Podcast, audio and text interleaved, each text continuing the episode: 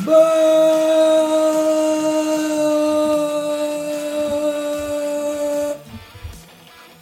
אחי? או-אה, אתה מבסוט. תשמע, היה טוב, אבל אנחנו לא מדברים על זה. היום זה pod אחר. היום זה pod של AMA, pod של Sorare אחי. היום זה pod אחר אחי. אני שמח, אני שמח שזה pod אחר. טוב, אז אה, בואו בוא נדבר שנייה תכלס, בסדר? יש לנו עכשיו פגרת נבחרות. מה עושים בפגרת נבחרות? מפגרים בנבחרות, זה מה שעושים. אמ, אז אנחנו לא נדבר היום על ה fantasy, למה? בשביל שנהיה רעננים ל pod הבא, ונדבר כזה על מה שקרה עכשיו, למרות שהמחזור הזה נגמר, וסוף סוף נתחיל לדבר על מוביל שבועי, אחי, על מוביל של הליגה, אנחנו נדבר על כל הדברים יש, האלה. יש כזה דבר? זה לא כאילו הוציאו את זה מהלקסיקון מאז שיש קורונה? יש כזה דבר, אחי, אבל אנחנו נדבר על זה רק בשבוע הבא, כי אנחנו נתמקד שה pod הזה יהיה pod של Sorare ו pod של AMA. אמ, אז בוא רגע, רק רגע, אחי, נסביר, אה, נסביר מה קרה, וזה, כאילו, בכלל לא עשינו את זה בשביל שאני אחליק את העובדה שעלה לי איילינג מהספסל, בכלל, זה בכלל לא היה קשור, בום, בום, אחי. אה, יהיה לנו pod כזה שהחלק הראשון שלו יהיה Sorare, בין חצי שעה ל-45 דקות, נראה איך זה יזרוק. אה, והחלק ב' שלו יהיה אה, כנראה 45 דקות, כי היה הרבה שאלות, אה, אבל נזרום עם זה, אולי נעשה אותם כזה זריז וכאלה, נראה, נזרום. יאללה, תן בראש, אח שלי, נראה לי שהסורר זה יותר החלק שלך. אני כן. פה ושם, אתה יודע, אשאל שאלות גם בשביל הקהל קצת, אנסה כזה, אתה יודע, לשאול שאלות שיעשו עניין, אבל סורר זה לגמרי התחום שלך. אז כן. שוט. אז בוא נעשה דבר כזה, מה אתה מעדיף, כמה מילים ממתן או כמה מילים ממתן? כמה מילים ממתן. אני מעדיף את מתן? ה... אני מעדיף את מתן, אתה יודע איזה מתן אני מעדיף, אני אשאיר את זה לך, תבחר אתה. כמה מילים ממתן, שאין מה לעשות. אנחנו הצבענו, עשינו סקר, היה חלק, כאילו מה אתם מעדיפים, סורר או AMA, גם מתן איכשהו נכנס שם למיקס, והיו הצבעות, אז קיבלתם כמה מילים ממתן וחזרנו. תגיד, אחי, זה שפוי שבן אדם בגילי מקליט לעצמו הקלטות בשביל לשלוח לך, שיהיה לך לעלות לפודקאסט? תגיד, אני בן אדם נורמלי? אוי ואבוי אם אבא שלי ידע שזה מה שאני עושה ב-12.25. אני לא מבין מה מדברים כולם על נוכל הטינדר, שמע, נוכל הטינדר, בן אדם חמוד עם משקפיים, ואתה, אתה רימית אותי. אתה הבטחת לי כיף, חוויות, הרכבים, wild card, בן אדם תמים, מכיר ליגה ישראלית, משחקים של עכו מול בני יהודה. במקום לקום כמו בן אדם נורמטיבי ביום שישי לריח של הג'חנון והביצה חומה בצבע ביסומה, אני קם בחרדות לראות אם בכלל שמתי קפטן. ואז מה קורה? ואז מהחרדה שלך אתה מסתכל על השעון, אתה רואה בכלל שבע בבוקר, אתה אומר בסדר, נו, הכל טוב. אז מה אם למפתי אצלי קפטן? אני אתן רגע איזה שנץ, איזה שינה קטנה, אני אקום איזה שעתיים, שלוש, נשנה שם את האווירה. בסוף אתה מוצא את עצמך מתעורר מאיזה הודעה של דודי בקבוצה שם של המינוס ארבע, בא לך לבכות, הבן אדם מדבר ג'יבריש, עברית, אתה לא מבין מה קורה, ואז אתה מגלה שנשארתם למפטי קפטן, אחי, וסאלח סיים עם שלושה. האח של אה, ניר, איך קוראים לו? אה, שרון דוידוביץ', אתה שומע אותי? דחילק, תזהר מהם. יאללה, האזנה נעימה. מה שמצחיק זה שאין לך מושג אפילו מה הוא אמר, אחי, כי אפילו לא... כן, אני. מת אני לשמוע. לא, אה, לא, אני רק, רוצה אה, להשאיר את זה לך, כאילו. תקשיב, תנמיך- אותי אצלך, כי הם שומעים אותי פעמיים, בטוח. בסדר, נו יאללה, מה אתה דרמטי, אחי, מה אתה כזה קשה. טוב. אה, אני עכשיו אתחיל לדבר מלא מילים, ואתה אחרי זה תשאל אותי קצת שאלות. דלה, בוא... נשמע כמו. תוכנית. יופי. לגמרי.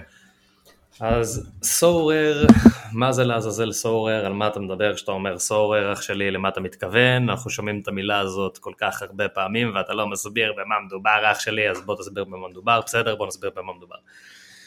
סורר זה פלטפורמה של פנטזי קריפטו, זה השורה התחתונה. אה, כמו שאנחנו משתמשים ב... אנחנו מכניסים ומוציאים שחקנים מהקבוצה שלנו, קונספט דומה. אה, השחקנים זה בעצם קלפים, יש פחות או יותר את כל הליגות בעולם חוץ מהפרמייר ליג, שזה הדבר הכי מתסכל בשבילי אישית אה, בכל... וליגה העולם. ישראלית. וליגה ישראלית, כאילו שאנחנו מדברים שיש את כל הליגות, אני מדבר על קוריאנית, אני מדבר כאילו על יפנית, אני מדבר על ברזילראו, על ארגנטינאית, על כל הדברים הכי כאילו, הכי הזויים שאתם יכולים לדמיין, יש שם הכל, אה, אבל אין את הפרמייר ליג עדיין ואנחנו מקווים שזה יגיע בקיץ. אה, אני אנסה לעשות את זה במידה מסוימת לא חופר מדי, עוד פעם, אם זה לא מעניין אתכם, דלגו קדימה לאיזה דקה 45 נגיד, נראה לי ששם כבר אנחנו נתחיל את ה-AMA. אם זה מעניין אתכם, אז תמשיכו לשמוע.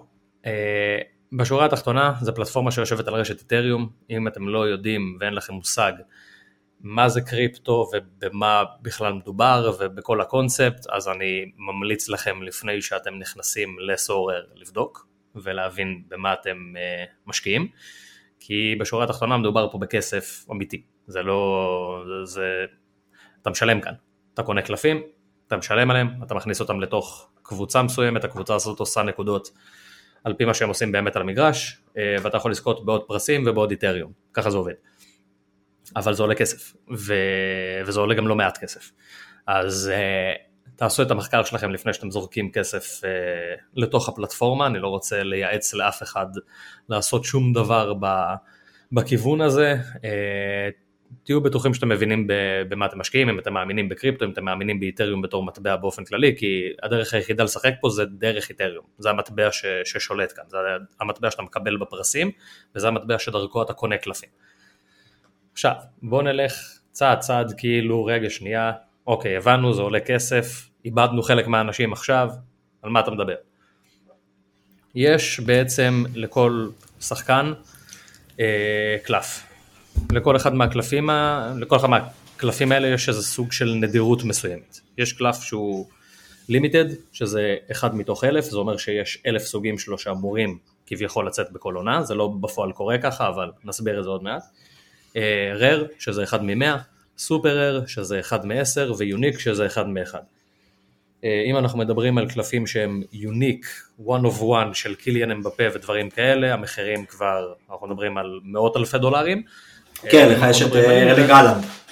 בטח, בדוק יש לי את ארלינג האלנד, יש לי את ארלינג האלנד unique, קיבלתי אותו אתמול בפרס שלא זכיתי fucking כלום, הסופש הזה אחי, היה לי סופש התרסקויות, אבל כמו שאנחנו תמיד מדברים מאחורי הקלעים, זה תמיד בקורלציה, מתי שהולך לי ממש טוב ב fantasy, הולך לי חרא ב Sorare, מתי שהולך לי ממש טוב ב Sorare, הולך לי ממש חרא בפרמייר ליג. לפה ולשם. כן. אז בואו נתחיל מה... יש כאן הרבה מאוד דברים לעבור עליהם, באמת הרבה מאוד. כל ה... ואולי עדיף לי לחזור אחורה בעצם ולהסביר קצת מה אנחנו נעשה בקיץ. הפוד של הסורר בקיץ יעסוק לא ב-day to day של סורר, כאילו זה לא שאני, שאני ואיתמר עכשיו נדבר, אה מה הולך אחי, קוקי מצ'ידה הפקיע בואו נכניס כולם את קוקי מצ'ידה, זה לא עובד כך. זה, זה לדבר יותר על הפלטפורמה עצמה, זה יותר אפילו business side של הדברים, האם הם סגרו את החוזה מול הפרמייר ליג או לא, ו... בכל הקיץ אנחנו נעשה פשוט סוג של, אה, סוג של מדריך למתחיל מאוד מאוד מאוד עמוק. כאילו, אני הולך עכשיו לדבר בקצרה על הקלפים עצמם, על הליגות, על ה division ים בתוך הליגות, אה, על הניקוד, על הפרסים, על השוק, וכל אחד מהדברים האלה שאמרתי עכשיו יהיה pod בפני עצמו, של שעה ואפילו שעה פלוס, בשביל להסביר את כל הדברים האלה, וזה לא מספיק. זה מאוד כאילו, זה מאוד אינטנסיבי, גם אנשים משחקים פה עם כסף, אמיתי. לא עם כסף של חרטות, אנשים פה נמצאים עם גלריות של כמה מאות מיליוני דולרים. זה לא משחק ילדים, זה לא עכשיו, אוקיי, אני מכיר את uh, דוקו, אז אני כאילו, אז יש לי איזה יתרון, כולם מכירים את דוקו וכולם מכירים שחקנים הרבה יותר חשוכים מדוקו. אם אתם לא יודעים מי זה ורסחרן, אתם לא, אתם לא בכיוון, כאילו שלא תחשבו שאתם מגיעים מאיזה עמדת יתרון, אני חשבתי שהגעתי מעמדת יתרון, אני בפלטפורמה הזאת כבר שנה וחודשיים בערך, ו... ולא, למדתי את זה גם בדרך הקשה, ב- לפעמים, לפעמים הלך טוב, לפעמים הלך פחות טוב, אבל אתה לא יודע יותר מאנשים אחרים שם, כי יש שם אנשים רציניים מאוד. אה, בואו נחזור שנייה לקלפים ונסביר פחות או יותר מה, מה קורה שם. מתי שאתם נרשמים, יש לכם אה, יש לכם אופציה להתחיל לשחק ברוקי ליג, ליגה של קומונים. זה קלפים שאין להם באמת מספר סיריאל, מוציאים אותם, כאילו הם לא באמת נחשבים NFT, כי הם כן פונג'יבל במובן מסוים, יש עוד מאות שלהם שעושים בדיוק אותו דבר ואין שום שינוי, אין להם סיריאל, אין להם כלום, ואתם יכולים להשתמש בהם בשביל לשחק ברוקי ליג. זה ליגה שנרשמים אליה בממוצע 120 אלף אנשים, ומתוך ה-120 אלף האלה, שלושה אנשים יזכו בקלף שהוא לימיטד ובאמת יתקדמו במשחק. השאר לא יזכו בכלום, אלא פשוט יזכו בעוד קלפים שהם קומונים, אבל זה אחלה דרך ללמוד את המשחק וללמוד את ה... אה, ללמוד את הניקוד, ללמוד את ה... איך זה עובד, כזה טיפה, טיפה כזה לטבול את הרגליים במים, בוא נגיד את זה ככה. אז זה אחלה, זה משהו שכאילו אם יש לכם עניין בפלטפורמה אחרי מה שאני אומר כאן, הדבר הראשון שאני ממליץ לכם זה פשוט להירשם ולהתחיל לשחק בליגה הזאת, כי זה לא עולה לכם כסף. אה, אלא אם כאילו, זה אני מדבר לאנשים שיש להם ידע בקריפטו ויש להם כבר ארנק קריפטו, יש להם MetaMask, הם יודעים מה העניין, הם לא צריכים לעבור את הצד הזה.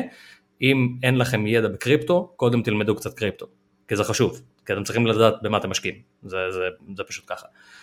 אמ, אני אגיד מראש, אני כנראה אפרסם כאן ב pod את הלינק שלי, כנראה. יש לי לינק של affiliate כאילו, אני כן מרוויח אם אתם נרשמים ממנו, ברור, אבל גם אני הולך לתת הרבה מאוד תוכן שמאוד יעזור לכולם בחינם, אז אתה יודע, trade off. אמ, בואו נחזור שנייה לדירוגים. הקלפים שהם limited זה אחד מאלף, קלפים בצבע צהוב, אה, שאפשר להכניס אותם כרגע לפחות רק לטורנירים שהם limited. זה אומר שקלפים limited אפשר לשים רק בטורנירים שהם limited, קלפים שהם rare אפשר לשים אותם רק עם קלפים של rare או גם עם קלפים של super rare, שזה אם תגיעו לשם מדהים. אה, super rare אפשר לשים עם unique ו unique אפשר, אה, אפשר לשים, כאילו super rare אפשר לשים עם rare ועם unique ו unique אפשר גם לשים רק לבד, זה דברים שהם פחות רלוונטיים אלינו. אה, טורניר הדגל, מה שנקרא, ב Sorare זה טורניר שקוראים לו Global All Star Division 4. ה Division 4 זה בעצם טורניר שמאפשר לך להכניס, אני לא יודע אם אמרתי את זה לפני זה או לא, אבל זה, זה טורנירים של חמישה שחקנים, זה לא 11. אתה מכניס חמישה שחקנים, שוער, שחקן הגנה, שחקן קישור, חלוץ ועוד מישהו בנוסף, עוד חלוץ, עוד אה, קשר, עוד מגן, מה שבא לך. ואין כאילו הגבלות של, אין לנו הגבלות כמו בפרמייר ליג שאתה יכול לשים רק שלושה שחקנים מאותה קבוצה, דווקא להפך, זה מאוד חזק לשים חמישה שחקנים כאילו מאותה, אה, מאותה קבוצה, אין שום איסור נגד זה, stack ים של ביירן ואייאקס, לשים חמישה שחקנים מהקבוצות האלה ולראות אותם מפרקים איזה קבוצה בינונית 7-0, זה, זה טקטיקה שהרבה מאוד אנשים משתמשים בה ולכן גם המחירים של שחקנים מהקבוצות האלה הם גבוהים יותר, אה, כי גם התוצאות שלהם גבוהות יותר. אה, אז גלובל אולסטאר, זה, זה טורניר שמאפשר לך בעצם להכניס ארבעה קלפים שהם רר, כלומר אדומים, עולים טיפה יותר, זה בדרך כלל גם קלפים שאנחנו נבחר שהם יותר uh, מליגות נידחות כאלה, בלגיה ו, ויפן וכל מיני כאלה, ואחד שהוא קומן, שזה תכלס ה... הדבר היחיד שאתה יכול לעשות עם קומונים וזה לשים שוער שהוא רר בתוך הליגה הזאת. למה? כי שוערים יקרים מאוד, ואם אתה שם לצורך העניין אליסון, קומן, אה, אז יש לך קנס עליו, אתה לא מקבל את מלוא הנקודות שלו, אתה מקבל חצי, ואז לפי שאתה, מה... אני צריך להיכנס גם ל-EXP וכאלה, אבל בשורה התחתונה ככל שקלף נמצא אצלך יותר, אז הוא מקבל EXP, ואז הוא עושה יותר נקודות. עם קומונים זה עובד הפוך בתוך הליגה הזאת. אתה לא בדיוק עובד הפוך, אתה פשוט מקבל עליו קנס, ואז ככל שאתה מאמן אותו יותר, הקנס טיפה יורד. אבל המקסימום שתגיעו זה שעל קלף קומן אתם תקבלו בערך 65% מהנקודות שהוא עושה בפועל. לפעמים זה יותר משתלם מ... אפילו משוער רגיל, אבל זה הדרך פחות או יותר להיכנס לטורניר הזה. עכשיו, מה הפואנטה בלהיכנס בטורניר, לטורניר הספציפי הזה? זה שיש לו רף נקודות. אתם לא משחקים רק נגד אנשים אחרים, אתם משחקים גם נגד רף נקודות מסוים, שאם אתם מגיעים בו ל-205 נקודות, אתם מקבלים 0.01 איתריום, ואם אתם מגיעים ל-250 נקודות, אתם עושים 0.02 איתריום. זה נחמד, זה אחלה, זה מגניב, אנחנו לא יודעים כמה זמן זה יישאר, יש מצב שאתם תשמעו את הפוד הזה עכשיו ובעוד חודשיים זה כבר לא יהיה, כי זה אמור בסופו של דבר ללכת ואנחנו אמורים לקבל התקדמויות ודברים כאלה, אבל זה כבר בגדר אמור תקופה של הרבה מאוד חודשים וזה עדיין איתנו, אז אני מציין את זה. Um, באירועים מסוימים יצאו כל מיני קלפים uh, עם סוג של vibe אחר וכאילו עיצוב אחר, כמו נגיד uh, Team of the Year כזה, ואז יהיה להם איזה, איזה ורסיה שונה, לא מבחינת utility אבל כן מבחינת הנראות שלהם, זה מוסיף לצד של האספנות בתוך הפלטפורמה, ויש עוד כמה דברים שמוסיפים לאלמנט של האספנות. הקלף הראשון, אם זה serial number 1 מתוך אלף זה שווה יותר, אם זה באותו, באותו גיל והמספר של הקלף הם אותו דבר, נגיד, אה, לא יודע מה, או בלק בן 27 והקלף הוא מספר 27, אז זה מוסיף, וכל מיני דברים כאלה, וג'רזי נאמבר, לפי המספר חולצה. לצורך העניין סאלח 11, אז ה-11 מתוך 100 של סאלח שווה טיפה יותר, כי זה ה-11 מתוך 100. למה? ככה, כי זה אספנות, ככה זה עובד. זה חרא של כאילו, של קלפי ספורט, וככה השוק הזה מונע. הדבר האחרון שהכי חשוב זה, זה rookies. שחקנים שזה עונה ראשונה שלהם, שזה הקלף הראשון שלהם, בדרך כלל יהיו שווים יותר. הקלפים הישנים אין להם סימון של ה rookies, הקלפים שיצאו כבר העונה יש להם סימון של rookie בתוך הפלטפורמה. אז לא להתבלבל עם זה. אה, בוא ניגע קצת בליגות. וואי, זה הולך להיות קשה לעשות את זה מהר, אבל אני אנסה לעשות את זה מהר. אם יש משהו שלדעתך שלא נגעתי בו, אם יש משהו לדעתך שאני כאילו צריך ל... משהו לא היה לך ברור בקלפים ספציפית, אז תסביר לי. עוד לא נגענו במחירים. האמת שאני כאילו מחכה כאילו לגעת באיזה נקודה כאילו שנגיד אני לא מבין כזה טוב מה אתה אומר, אבל בינתיים הבנתי ממש אה, פיקס. יופי. אז מבחינת, אולי אני אשים את זה כבר, כבר עכשיו וזהו. מבחינת מחירים, אה, ואני אגיד כבר מראש, את כל מה שאני מדבר עכשיו, יש כבר קבוצת פייסבוק פתוחה של סורר ישראל, יש שם מדריך למתחיל, הכל מסודר בטקסט, זה קיר של טקסט, כי זה המון דברים שאתם צריכים לדעת, כי זה חשוב, כי אנחנו מתעסקים פה בכסף אמיתי, אנחנו לא מתעסקים פה בחרטות, אז זה קיים, זה נמצא, ואם יש שאלות, יש גם קבוצת וואטסאפ שיש לנו כבר איזה 20-30 אנשים בה, אז יש גם את זה, אז לא לדאוג. אם כאילו מתפספס לכם משהו כאן, תמיד תדעו שאתם יכולים להצטרף ולשאול שאלות ויענו לכם על השאלות, הכל בסדר. אמ, מבחינת מחירים, יש שוק משני, אני יכול למכור לאיתמר עכשיו קלף, אין שום בעיה עם זה. אין עמלות, כרגע לפחות, אנחנו לא יודעים מה יהיה בעתיד, אבל כרגע אין עמלות, זה לא שהם גוזרים רווח על המכירה, אבל המכירה הראשונית נעשית במכירה פומבית, וקונים את הקלפים מהשוק החופשי בעצם. סבבה? קונים את זה מסורר, ככה זה, זה המודל העסקי שלהם, מזה הם עושים את הכסף. הם הראשונים שמוכרים לכם את הקלף, אחרי זה אתם יכולים למכור אותו לכל מיני אנשים אחרים, אבל אף אחד לא מרוויח על זה כלום, רק אתם, כאילו אין עמלות. אמ, בואו נדבר שנייה על הליגות. הכינוי לליגה זה SO5, SO זה side of, side of 5 ואנחנו מקווים שבעתיד אנחנו נראה גם side of 8 ו side of 11 ושהמשחק הזה יתקדם ויתקדם ויתקדם. יש לנו כל מיני division ים, אה, בכל division אתם תוכלו לשלב בעצם קלפים כאלה ואחרים מרמת נדירות כזו ואחרת, limited, rare, super rare, כל הדברים האלה, אה, ו special weekly אחד, טורניר אחד שבועי שהוא מיוחד. עכשיו שאני אומר שבועי, אה, חשוב להבין שזה חי כל הזמן, כאילו תמיד יש כדורגל, שהם מתעסקים בכל הליגות והם מנסים להעלות את כל ה-20 ליגות הראשונות. זה, זה המטרה שלהם בסופו של דבר. אז יש טורניר אחד שמתחיל ביום שלישי אה, ונגמר בשישי, והטורניר השני, שזה הטורניר היותר גדול, זה משישי עד יום שלישי. אז זה תמיד מתחלק ככה, ואיפה שהמשחק שלכם ייפול, ככה זה ייפול. מבחינת איך אתם רואים את כל הדברים האלה ואיך אתם מסדרים את הליינאפים שלכם, זה משהו שנורא בעייתי לעשות בתוך הפלטפורמה של סורר עצמו, בגלל זה יש אתר נלווה שקוראים לו Sorare Data, שדרכו אתם יכולים ממש להכין הרכבים שלכם לעוד שבועיים, לראות מה קורה עם, ה... עם כל הגלריה שלכם, איפה הם משחקים, איפה הם לא משחקים, לבדוק מחירים, מתי זה נמכר, איפה זה נמכר. רוב העבודה שלכם תהיה ב Sorare Data, וב Sorare עצמו אתם פשוט תיכנסו לשים את ההרכבים, לאסוף את הפרסים שלכם ולמכור שחקנים. כאילו למכור, לקנות, להכניס את, ה, להכניס את הקבוצה, ובזה זה פחות או יותר כאילו נגמר. כל המחקר, כל הבלגן, כל העבודה הסזיפית היא דרך סורר דאטה, שזה אתר נפרד לגמרי, שאפילו לא קשור אליהם האמת. כאילו זה לא תחת אותה מטריה, זה לא של, זה לא העסק שלהם. אולי אני אתן איזה פאמפ קטן, כאילו, אתה יודע, אני, אני מרגיש שאני רק כזה מספר לאנשים, כאילו, אתה יודע, מי זה, מה זה, ואני לא, אני לא מרים להם, אני לא מרים להם מספיק, אולי אני צריך להרים להם קצת. וואלה, אתה יכול לתת פה איזה, איזה רמה, איזה נגיחה כזאת, אתה יודע, זה משהו כזה ל... אני אתן איזה משהו. אני אתן לזה משהו מרגש. אז בקיץ קיבלנו כמה חדשות מאוד רציניות מהזווית שלהם, זה גם מה שגרם לי כזה, אתה יודע, טיפה להכניס אנשים מהצד לזה, כי לפני זה הייתי כזה, טוב, יש מצב שכל הפלטפורמה הזאת תלך לאפס ואני לא רוצה להסתכן. אה, ושוב, זאת לא עצה כלכלית, אל תתבע אותי אחי, אם עשית פדיחות זה בעיה שלך. אה, מה שקרה בקיץ זה שהם קיבלו את הגיוס הכי גדול בהיסטוריה של צרפת והשני הכי גדול בהיסטוריה של חברת כאילו הייטק.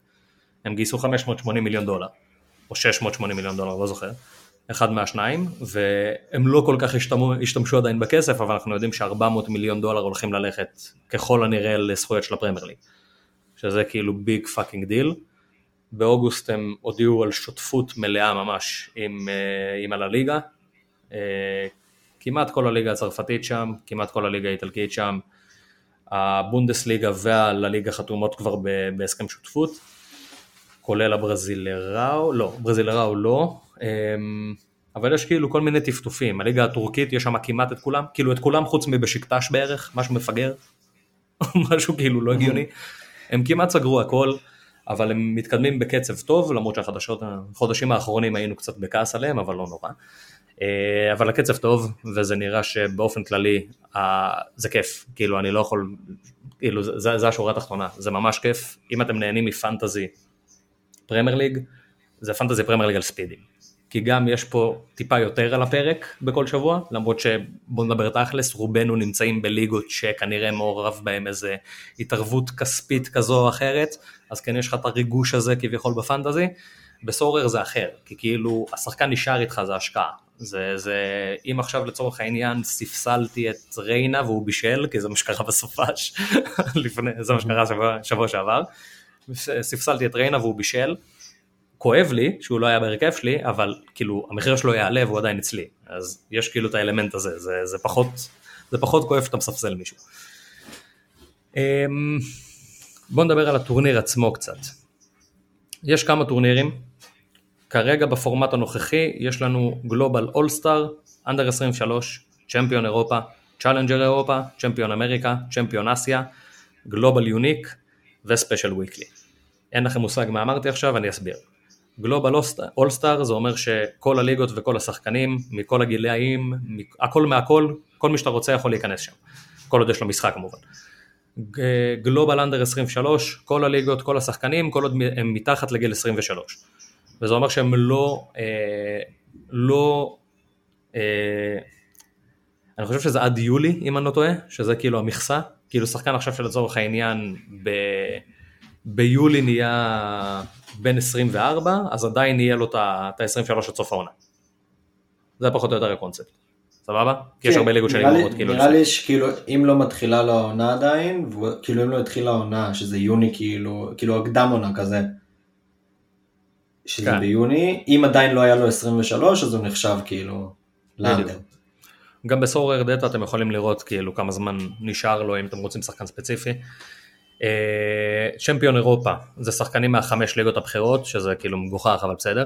אה, אנגליה, ספרד, גרמניה, צרפת ואיטליה זה החמש ליגות שנכנסות לתוך Champion אירופה. מה ישראל לא שם? ישראל לא שם, הליגת, אה, הליגת הערך לניירות בורסה אחי, לא, לא שם. Challenger אירופה זה כל שאר הליגות מאירופה, כלומר אה, הולנדית, בלגית, כל החרטות האלה. אה, Champion אמריקה, MLS, ארגנטינה, ברזיל, כל הדברים האלה. Champion אסיה זה יפנית, קוריאנית, סינית, אה, כרגע אין עוד. Global Unique זה פשוט חמישה שחקנים שהם unique, גם כל הליגות, זה פשוט ספציפית רק כאילו קלפים שהם unique, וזה שם הלוויתנים רצים ראש בראש, אנחנו מדברים על קרנות השקעה שנלחמות אחת בשנייה, לא על אנשים רגילים. אה, ו Special Weekly שזה יכול להיות כאילו כל מיני דברים כאלה ואחרים, היה לנו עכשיו איזה סוג של חודש כזה מגניב שזה היה scouting season, שהשחקנים היחידים שיכלת לרשום נגיד לתוך הטורניר היו שחקנים שהם עם ממוצע של 50 נקודות ומטה בחמישה משחקים האחרונים. עכשיו זה היה מגניב כי כאילו גם שחקנים שהם לימיטד יכלו לשחק שם, גם רר, הכל כזה, זה היה כזה כולם על כולם. אה, וזה נותן כאילו הזדמנות למשתמשים יותר קטנים לזכות בפרסים הרבה יותר גדולים. בוא נדבר שנייה על ניקוד. נדבר על ניקוד ואני אדבר על EXP בתוך ניקוד, אז אני אדבר קודם שנייה על EXP. כל קלף מקבל בונוס של חמישה אחוז, אם זה הקלף של השנה הנוכחית. לצורך העניין, יש לנו עכשיו קלף של רונלדו מ-2022, אז יש עליו 5% בונוס. בזמן שלרונלדו של 2021 לא יהיה את הבונוס הזה. הבונוס הזה מתחלף, הוא עובר. ברגע שיוצא הקלף של העונה החדשה, הקלף של העונה הישנה איבד את הבונוס הזה וזה עובר אליו. כל עוד לא יצא הקלף של השנה החדשה, הבונוס נשאר שם. אה, בנוסף לזה יש עוד נקודות, יש עוד בונוס שאתם יכולים לשחרר, אחוזים של בונוס שאתם יכולים לשחרר לניקוד, שזה לפי אה, כמה השחקן מאומן, כמה הקלף הזה מאומן. זה אומר כמה פעמים הוא, כאילו הנוסחה של זה היא די מסובכת וכאילו בשורה התחתונה פשוט צריך לדחוף אותם לקבוצות אימונים, כי כל שחקן שגם אם אין לו משחק, אתה יכול לדחוף אותו לקבוצת אימונים ואז יעלה לו לאט לאט ה-EXP והוא יעלה ברמות ואז לאט לאט יהיה לך טיפה יותר, אה, טיפה יותר בונוס. הדברים האלה משמעותיים מאוד, בטח שאנחנו מדברים על limited ורוב האנשים ששומעים את הפוד הזה בשורה התחתונה יתחרו ב limited, בקלפים שהם אחד מאלף, כי יש שם הרבה קבוצות דומות. זה, יש שם הרבה פחות מרווח לנוע, בוא נגיד את זה ככה, כי אנחנו נראה הרבה מאוד סטאקים של אייקס והרבה מאוד סטאקים של ביירן והרבה מאוד דברים כאלה. אז אם לצורך העניין גם אני וגם איתמר מעלים עכשיו את אותה קבוצה ולי יש 3% יותר ממנו במצטבר, אז אני עכשיו יכול לעלות מקום אחד או שניים או שלוש או ארבע יותר ממנו וזה יכול להיות הבדל של 0.2 מיטר. זה יכול להיות מאוד משמעותי. אז הדברים האלה חשובים ובגלל זה צריך לאמן את השחקנים כל הזמן ולא לשכוח, זה תכל'ס זה קליק אחד פשוט של כאילו לאשר את כל הקבוצות שלך ולפעמים צריך לשחק עם זה לראות ש, שכל הקבוצות מלאות. מבחינת ניקוד, זה הסיבה שסורר פשוט נעלה על פנטזי ברמה אחרת. זה לא לדעתי הכסף, כי אני כאילו, אני לא כל כך מונע מכסף, זה לא כזה מה שעושה לי את זה, זה לא, לא פחות הקונס, כאילו זה פחות מרגש אותי, זה לא עכשיו וואו עשיתי 100 שקל איזה כיף, זה פחות מרגש. הניקוד בסורר הוא גאוני, כי סופרים הכל, זה לא עכשיו ששחקן, שחקנים בפנטזי אם הוא מפקיע הוא מקבל 5 נקודות, אין מכסה ברמה העקרונית, הוא יכול לקבל 400 נקודות. בסורר זה מ-0 עד 100 וסופרים הכל, כאילו פשוט הכל. טאקל זה נקודות, חילוץ זה נקודות, עיבוד כדור זה מינוס נקודות, מסירות לצדדים בשליש הקדמי של היריבה זה נקודות, זה פסיכי. אתה מוצא את עצמך חוגג איזה, איזה כמה פסים בדקות הסיום כאילו של טרנט עם סאלח, שהוא פשוט מוסר לו, הם מוסרים אחד לשני כזה על השליש של היריבה, זה יכול לעלות לך איזה ארבע נקודות לטרנט ואתה משתולל. אתה יכול כאילו לאבד את זה. זה מה שהופך את זה לדעתי לפחות לדבר הכי כיף שיש, יש לזה פאקים כמובן. אה, ממה שאנחנו מכירים בפנטזי, הכל כמעט אותו דבר, כאילו מבחינת, אה, מבחינת הפעולות שמשפיעות, אנחנו כן שמים לב לשערים, לבישולים, לדברים כאלה, אבל יש, לדעתי, יש כמה דברים שהם משמעותית שונים. דבר ראשון, שחקן שגורם לפנדל, משלם על זה, שזה חשוב שזה יהיה בכל מקום, אבל זה לא קורה בפנטזי פרמייר ליג. בסורר זה כן. אה, שחקן שמחטיא פנדל זה פחות נורא, זה לא עכשיו איזה, זה לא סוף העולם. אה, וזה הכי מתסכל בעולם בתור בעלים, אה, בעלים אוהב ונלהב של כריסטופר אנקונקו. מי שנוגע ביד, אם סחט את הנגיעת יד, לא סחט את הפנדל. עכשיו זה הדבר הכי מתסכל כי הוא עשה את זה שבע פעמים העונה, ולא קיבל לזה פנדל אחד. כאילו לא קיבל את הסחיטה, שזה מתסכל רצח. אה, אבל זה השינויים לדעתי הכי, הכי גדולים, גם כמובן ריקושטים כביכול.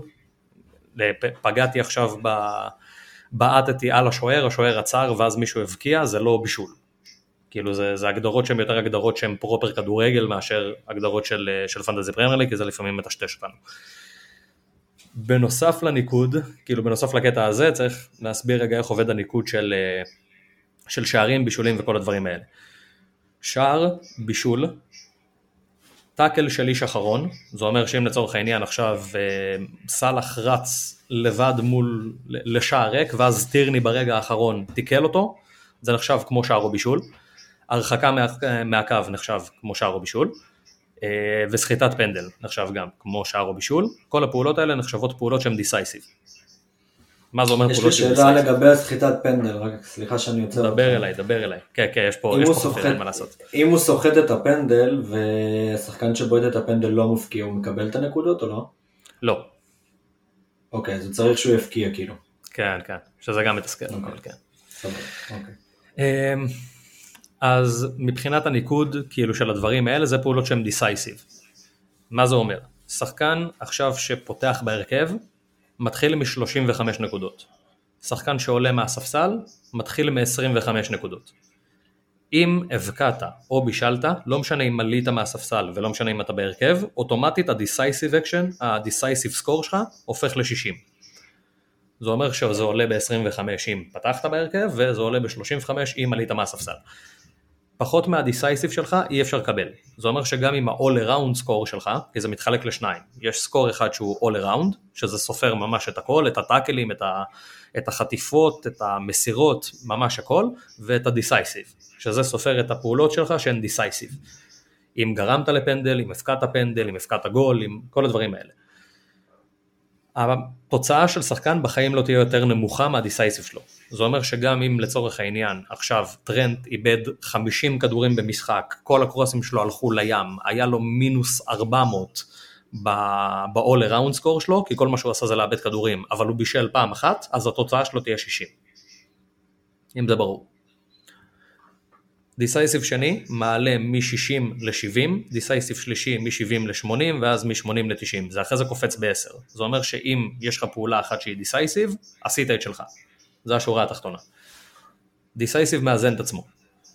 אם אני עכשיו אה, הבקעתי גול אבל גרמתי לפנדל, אז יש לי פעולה אחת דיסייסיב למעלה, פעולה אחת דיסייסיב למטה, אני נשאר even על 35. סבבה? הגיוני? הגיוני לגמרי, מקובל. יופי. שוב, עוד פעם, כל הדברים האלה, אני חושב שכל הדברים האלה אני צריך לעבור על זה, כי כתבתי את זה די מזמן, אז אני צריך לעדכן קצת את המדריך, אה, אבל הכל יהיה שם. בואו נדבר שנייה על פרסים, רגע על שוק, ונעבור כאילו ל... ונעבור ל-AMA. אה, כאילו אנחנו גם נדבר טיפה על מה, מה אנחנו נעשה ב... למרות שהזכרנו, בשורה התחתונה הקיץ יהיה פשוט, כל אחר שאני מדבר עליו עכשיו, זה יהיה זה, פשוט מורחב. ואנחנו נתחיל את זה ממש ישר איך שנגמרת הליגה, כאילו לא באמת איך שנגמרת הליגה, כי יהיה לנו פוד כזה, אתה יודע, של סיכום עונה וזוכים ועניינים וכל הכיף על זה, אבל הפוד שאחריו יהיה כבר פוד של Sorare. אמ, פרסים. Sorare בעצם מציעים איתריום ופרסים לכל מי שמגיע לדירוג מסוים.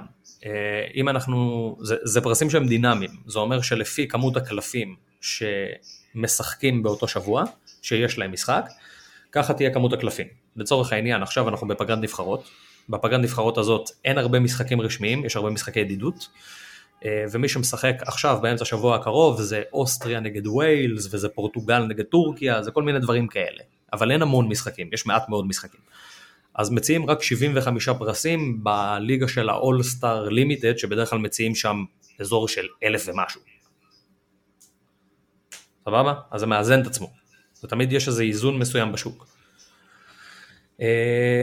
המטרה היא פודיום בשורה התחתונה, כי מי שמגיע לפודיום, ל top 3, זוכה גם באיתריום וגם בקלף, והקלפים מחולקים לפי, ה... לפי כמה גבוה אתה בטבלה.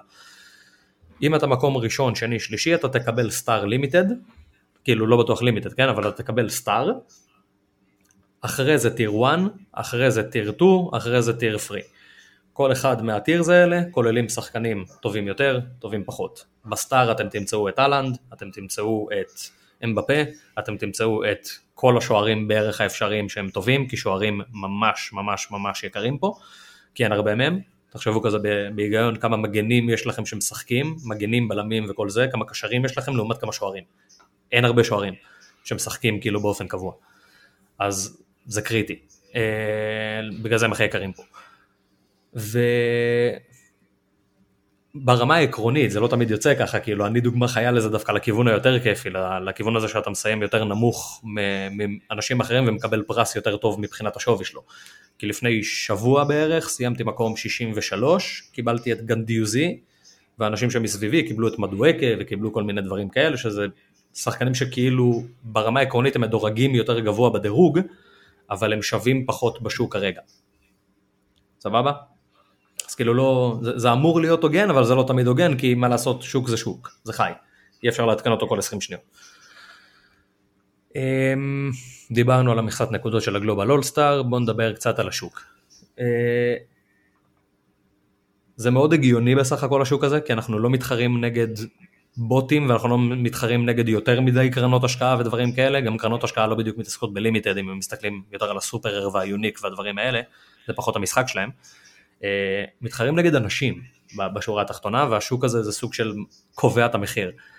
הרבה מהמחירים של ה limited יהיו מבוססים על המחירים של ה rare, ולפעמים זה גם ילך להפך, תלוי כאילו ב... תלוי בנקודה בעונה שבה אנחנו נמצאים. עכשיו, למה אנחנו עושים את הפודים האלה כרגע? אני לצורך העניין אמרתי לכם, היה הרבה מאוד חדשות טובות באוגוסט. באוגוסט לדעתי זה לא בדיוק היה הזמן לדבר על Sorare ולהיכנס בהכרח. למרות שאם הייתם נכנסים שם בדיוק אז כן סבבה אולי. אני עוד לא הייתי מספיק בטוח בעצמי ובפלטפורמה עצמה בשביל להתחיל לייצר תוכן על הדבר הזה. אמ, כרגע אנחנו נמצאים בסוף עונה. רובנו נתעניין בליגות שהן ליגות אירופאיות. אנחנו בסוף העונה של הליגה האירופית. המחירים יורדים כרגע, כי זה די ברור למה. כי עוד חודש וחצי, חודשיים, לכל הקלפים האלה לא יהיה שום יוטיליטי והם לא ישחקו והם לא יקבלו נקודות למשך כמעט שלושה חודשים. אז המחירים כרגע יורדים ויורדים ויורדים ויורדים ויורדים בציפייה לרגע הזה. בסופו של דבר זה סייקלים ומתישהו זה יתאזן ואז זה יתחיל לעלות לעלות לעלות לעלות והדבר האחרון שאני רוצה להמליץ למישהו מכם זה להיכנס לסורר ביולי או באוגוסט ב... במחירים לא הגיוניים.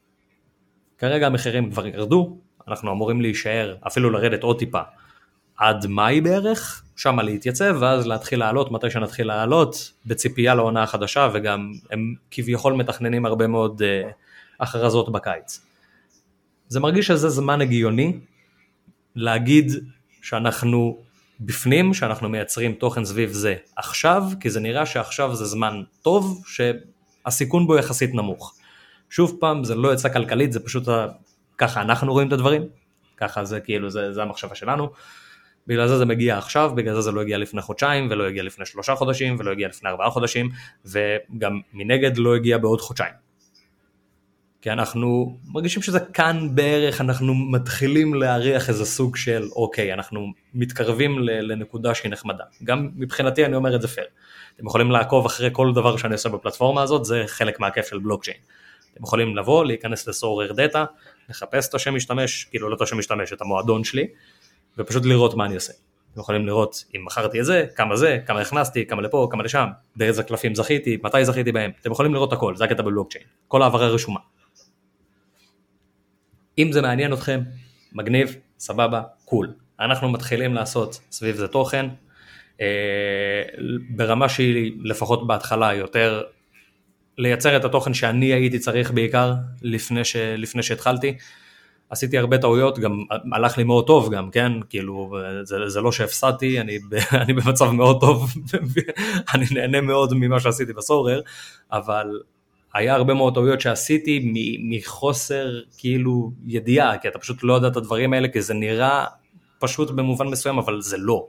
זה מאוד מסובך, וגם בעיקר בגלל שאני הגעתי מהעמדה שאני הגעתי ממנה, שזה בן אדם שהוא טוב מאוד בפנטזי, אז אני הגעתי גם קצת כאילו עם אף למעלה. הגעתי קצת כאילו מתנשא במובן מסוים. כאילו, אה, מה, אני יודע מי, מי שחקן טוב, מפה, משם, קניתי הרבה מאוד ווינגבקים למיניהם ומגנים, שזה הדבר שלא כל כך חכם לעשות, כי זה שחקנים שמאבדים מלא כדורים וזה מאוד פוגע בסורר, עשיתי כל מיני טעויות. את כל הטעויות האלה אנחנו יכלנו, כאילו אני יכלתי בשורה התחתונה או לעשות מהם איזה סוג של קורס כזה, שזה עלה, עלה, לה, עלה כרעיון, אבל מהניסיון שלי תמיד עדיף לשחרר את כל הדברים האלה בחינם, וזה בסופו של דבר יחזור אליך, כי אתה תגיע להרבה יותר אנשים ככה. וזה מה שאנחנו הולכים לעשות. אז אם זה מעניין אתכם ומגניב אתכם, אז תישארו איתנו בקיץ, ואם לא, אז תצטרפו אלינו ב... באוגוסט, אחרי זה, שכאילו, נתחיל את העונה החדשה. שם אני לא יודע באיזה מתכונת נהיה, אבל זה מה שיהיה בקיץ. נשמע מגניב, נשמע כיף. נשמע, נשמע משהו כתוב. חדש ומרענן. וואו, זה היה קשה, זה היה קשה.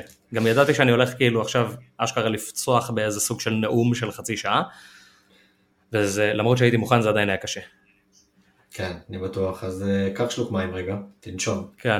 תן להם לעכל את הדברים רגע. גם מתן צריך להגיד איזה דבר או שניים, אתה מבין? אז... למרות שזה אני מדבר, ב, זה אני מדבר בשמו של מתן. כמה מילים מספורטיק בקיצור. גם אם זו נסיעה ראשונה שלכם וגם אם זו נסיעה עשירית שלכם, משחק כדורגל בחו"ל, אתם יודעים שלפני כל הכיף מגיע ים של כאב ראש. ספורטיק, שהם הספונסר של הפוד, הם אבא ואימא, הם סאלח קפטן ביום מושלג, הם אייבן טוני מהנקודה הלבנה, או בשורה התחתונה הם נחת, הם שקט והם שלווה. הם ילוו אתכם מהרגע שהתקשרתם עד שתחזרו לארץ, ומה שהכי כיף זה שהם משלנו. הם מכורי פנטזי ברמה הכי גבוהה שיש, והם מגיעים מהקהילה והם עכשיו תומכים בפוד, ואם אתם כבר נוסעים למשחק, אז רצוי שתעברו אצלם קודם. אה, אז אם באמת אתם רוצים לטוס לכל משחק, בכל יבשת, בראש שקט, ייכנסו לספורטיק.co.il, ואם תגידו שהגעתם דרך מינוס 4, תוכלו גם לקבל 50 שקלים הנחה על כרטיס ו-100 שקלים הנחה על חבילה, שלא תגידו שאנחנו לא דואגים לכם. וואו אחי. זה השלוק מים הכי הכרחי שהיה לי בחיים. באמת. שלוק מים חוויה אחי. אתה יודע, אני חייב להגיד לך, שבאמצע באמצע שהקלטת, אני לא יודע אם ראית את זה או לא, זה הוציא אותי, וחזרתי. זה הוציא אותך וחזרת? כאילו הניתוק הזה שהיה קורה לנו לפעמים, ו- אה. וראיתי שאתה ממשיך לדבר ושסבבה לך, אז הבנתי שהכל בסדר. תשמע, בשורה התחתונה זה היה כזה, כאילו בוא, צריכים גם להסביר את זה, איך לא הסברתי את זה מכל, מכל החרא שדיברתי עליו, איך לא אמרתי את זה, דבר ראשון. איתמר עוד לא כל כך בסורר, הוא כן כאילו איתי כזה מתי שאני עושה את ההרכבים, ואנחנו כזה, והוא כן משחק ברוקי ליג, והוא כן שם, והוא כן קנה איזה קלף או שניים, אבל הוא לא לגמרי נכנס לזה מטעמי זמן. עכשיו כל כן. הרעיון הזה בסופו של דבר גם מגיע מקטע של כאילו כן אחי בקיץ תסביר לי ואז אמרנו כן כאילו אם אני כבר מסביר לך את כל החרא הזה פשוט תקליט את זה. ומשם. הגיע כל הרעיון של פשוט לעשות מזה איזה סוג של פודקאסט למתחילים כי הפודים שאתם גם מי שייכנס לזה ייכנס לזה הפודים שהם בסגנון של Sorare זה, זה לא פודים בדיוק של בוא נסביר מה, מה עושים שם זה יותר פודים כזה של אתה יודע פודים על, על מה שקרה באותו שבוע מבחינת הפלטפורמה מבחינת הזה זה יותר כזה shit כזה. אנחנו רוצים לעשות את זה טיפה אחרת ואז אולי לגלוש לשם. ואם לא אז לפחות יהיה לנו אתה יודע את השש שבע שעות האלה שהם כזה זה סוג של קורס Sorare שלם שיש לך בא- באוזניות שאתה יכול לחזור אליו. עכשיו זה מגניב כי אני מגיע מנקודת מבט של מישהו ששם שנה וחצי ואתה מגיע מנקודת מבט של מישהו ששמע על זה פה ושם אבל יש לו מלא שאלות. בדיוק. זה עושה שכל. בקיצור, כן, אני אשים את, ה... אני אשים את ההרשמה כאן, אני אשים, אני אעשה איזה, אולי איזה פוסט במינוס ארבע בקבוצה שיכווין אתכם לקבוצה של סורר ישראל, ובזה סיימנו, בואו נעבור לימי. הלאה. הצטרפתי לפוד. תפתח, תפתח. אני אפתח? אוקיי. אז השאלה. הראשונה ששאלו אותנו, מה דעתכם על פודקאסטים אחרים של... על פנטזי? אה, אני אתן לך פה לדבר, כי אני אגיד לכם את האמת, אני פשוט מטעמי זמן אה, לא כל כך שומע כרגע שום פודקאסט בשנה האחרונה. אה, המון לימודים, אז אני אישית כרגע לא שומע. אני גם חושב שאתה אתה פחות היית כזה, בתכלס. לא הייתי שומע לא הרבה אף. פעם, לא הייתי שומע הרבה אף פעם, אבל אה, היה לי לפני איזה שנתיים, איזה שנה שכן הייתי קצת אה, שומע, הייתי שומע יותר. אמ, אני פייר, גם אני פחות בתקופה האחרונה. אה, יש אחד שאני לא מוותר עליו, אף פעם, ואני מרגיש שכאילו צריך גם לתת להם כבוד. סורי שזה לא ישראלי, אבל אני, זה, סורי שזה לא ישראלי, אבל הם, בגללם במובן מסוים התחלתי לייצר תוכן. כאילו אני, אני נותן להם הרבה קרדיט וזה FML FPL. שני גזורים מאחור של התחת, אמריקאים, שזה מצחיק, אבל הם אמריקאים שהם מבינים כדורגל, הם מזעזעים בפנטזי. כאילו מכל היוצרי תוכן שאתם תראו ותשמעו, הם הכי גרועים, בפער. אבל הם מבינים כדורגל יותר טוב מכולם. אמיתי, אני לא צוחק. הם עושים החלטות שהן החלטות נורא אימפולסיביות, וזה גם, זה גם מה שהופך את זה לחצי כזה, אתה יודע, מבדר כזה, כי הם לא בהכרח... אתה אומר אני הייתי אוהב. אותם. כן, זה, אני, אני גם מרגיש שהם מאוד דומים לנו במובן מסוים, למרות שאנחנו כן טיפה יותר, אתה יודע, פוד שאתה שומע בשביל להגיע לתוצאות טובות יותר, אנחנו גם כיפים. זה כאילו, זה פשוט, אתה יודע, אתה שומע את הפוד כי כיף, כאילו לא עכשיו שומע את הפוד רק בשביל להגיע ל top 10K, אלא גם מגיע כן. כי כיף לך. זה הם, זה מאוד הם, והצד של הכיף אצלם זה משהו שלקחנו ממנו מאוד השראה, גם מהתה, כאילו הם פותחים את זה ב-OK, אנחנו פותחים בבוקר טוב, זה, זה מגיע משם, באופן די טבעי גם. אני לא הבנתי שלקחתי את זה משם רק אחרי שנה וחצי בערך. כאילו, רק אז כאילו אמרתי, אה בואנה, כנראה שבגלל זה, כנראה שמשם זה הגיע. אז כן, כאילו זה, זה, אני מרגיש שצריך לתת להם יותר, אה, יותר קרדיט. כל השאר זה כאילו, כאילו סבבה, זה, זה כל אחד וה, והזה שלו, אבל אני מרגיש שלהם ספציפית לא נותנים מספיק קרדיט. אוקיי. אז אני מדגיש אותם. יש מלא אבל, יש מלא טובים. יש מלא טובים. כן. אה, נעבור לשאלה הבאה. מה דעתכם על פנטזי דראפט? אני אתן לך את התשובה קודם, כי נראה לי שאתה פחות בקטע. האמת, כאילו לא, לא שיחקנו אף פעם. אני לא שיחקתי אף פעם, אולי אתה כן, אני לא יודע. אני לא שיחקתי אף פעם. יש בזה משהו שכאילו, כאילו זה מרגיש לי פשוט שיט האוזרי מוחלט. כי כאילו אני אקח את סאלח ואז כולם נדפקו. כאילו יש לי את סאלח לכם אין את סאלח. זה כאילו זה, זה היתרון פה הוא מאוד גדול מבחינתי. אה, אני רואה איך זה יכול לעבוד אבל זה לא תחרותי בעיניי. בגלל זה אני פחות אוהב את זה. זה נראה כיף אוקיי. אבל זה לא תחרותי. אה, אני מאוד אוהב את הרעיון. אה, קודם כל את הרעיון בכללי. אה, אני כן משחק ב Fantrax, משהו כזה, זה לא של Fantasy Premier League, זה משהו אחר שזה פלטפורמה ממש לא טובה ולא מומלצת, אבל אה, אני מאוד אוהב את הרעיון של המשחק. כאילו פתחנו השנה כמה חברים, והרעיון עצמו מאוד נחמד, אבל אני לא אהבתי את הפלטפורמה, אני לא יודע איך זה בפנטזי פרמייר ליג הפלטפורמה, יכול להיות שהיא יותר טובה. אה, יש בזה, יש בזה משהו מרגש, אני מסכים שסאלח נותן איזשהו יתרון כאילו כזה יוצא דופן קצת, אבל uh, בסופו של דבר, אתה יודע, עם הבחירות, כנראה שמי שסאלח אז הוא בוחר ראשון, אז אחרי זה בסיבוב השני הוא בוחר אחרון, יש פה המון ריגוש, כל הקטע של התחילת שנה, אתה יודע, כמה חברים, כל אחד בוחר שחקן בתורו, אני מאוד מתחבר, מאוד מתחבר, יש פה דברים קצת לא פיירים כמו שאתה אומר, אבל uh, אני, אוהב, אני אוהב את הרעיון. דמיין את מי שבחר בלוקקו אחי. דמיין אז- כאילו, אז- בחרתי בלוקקו, הלכה לי העונה אחי. אה, שומע? זה קטע ענק שאתה אומר את זה. קטע ענק ענק ענק שאתה אומר את זה, ואתה הולך ממש... אה, למה מה קרה. בחרת בלוקקו? תקשיב טוב, בחרתי בלוקקו סיבוב ראשון, אוקיי? סיבוב ראשון בוחר את לוקקו, לוקאקו פשוט לא מחזיר לי כלום, זה...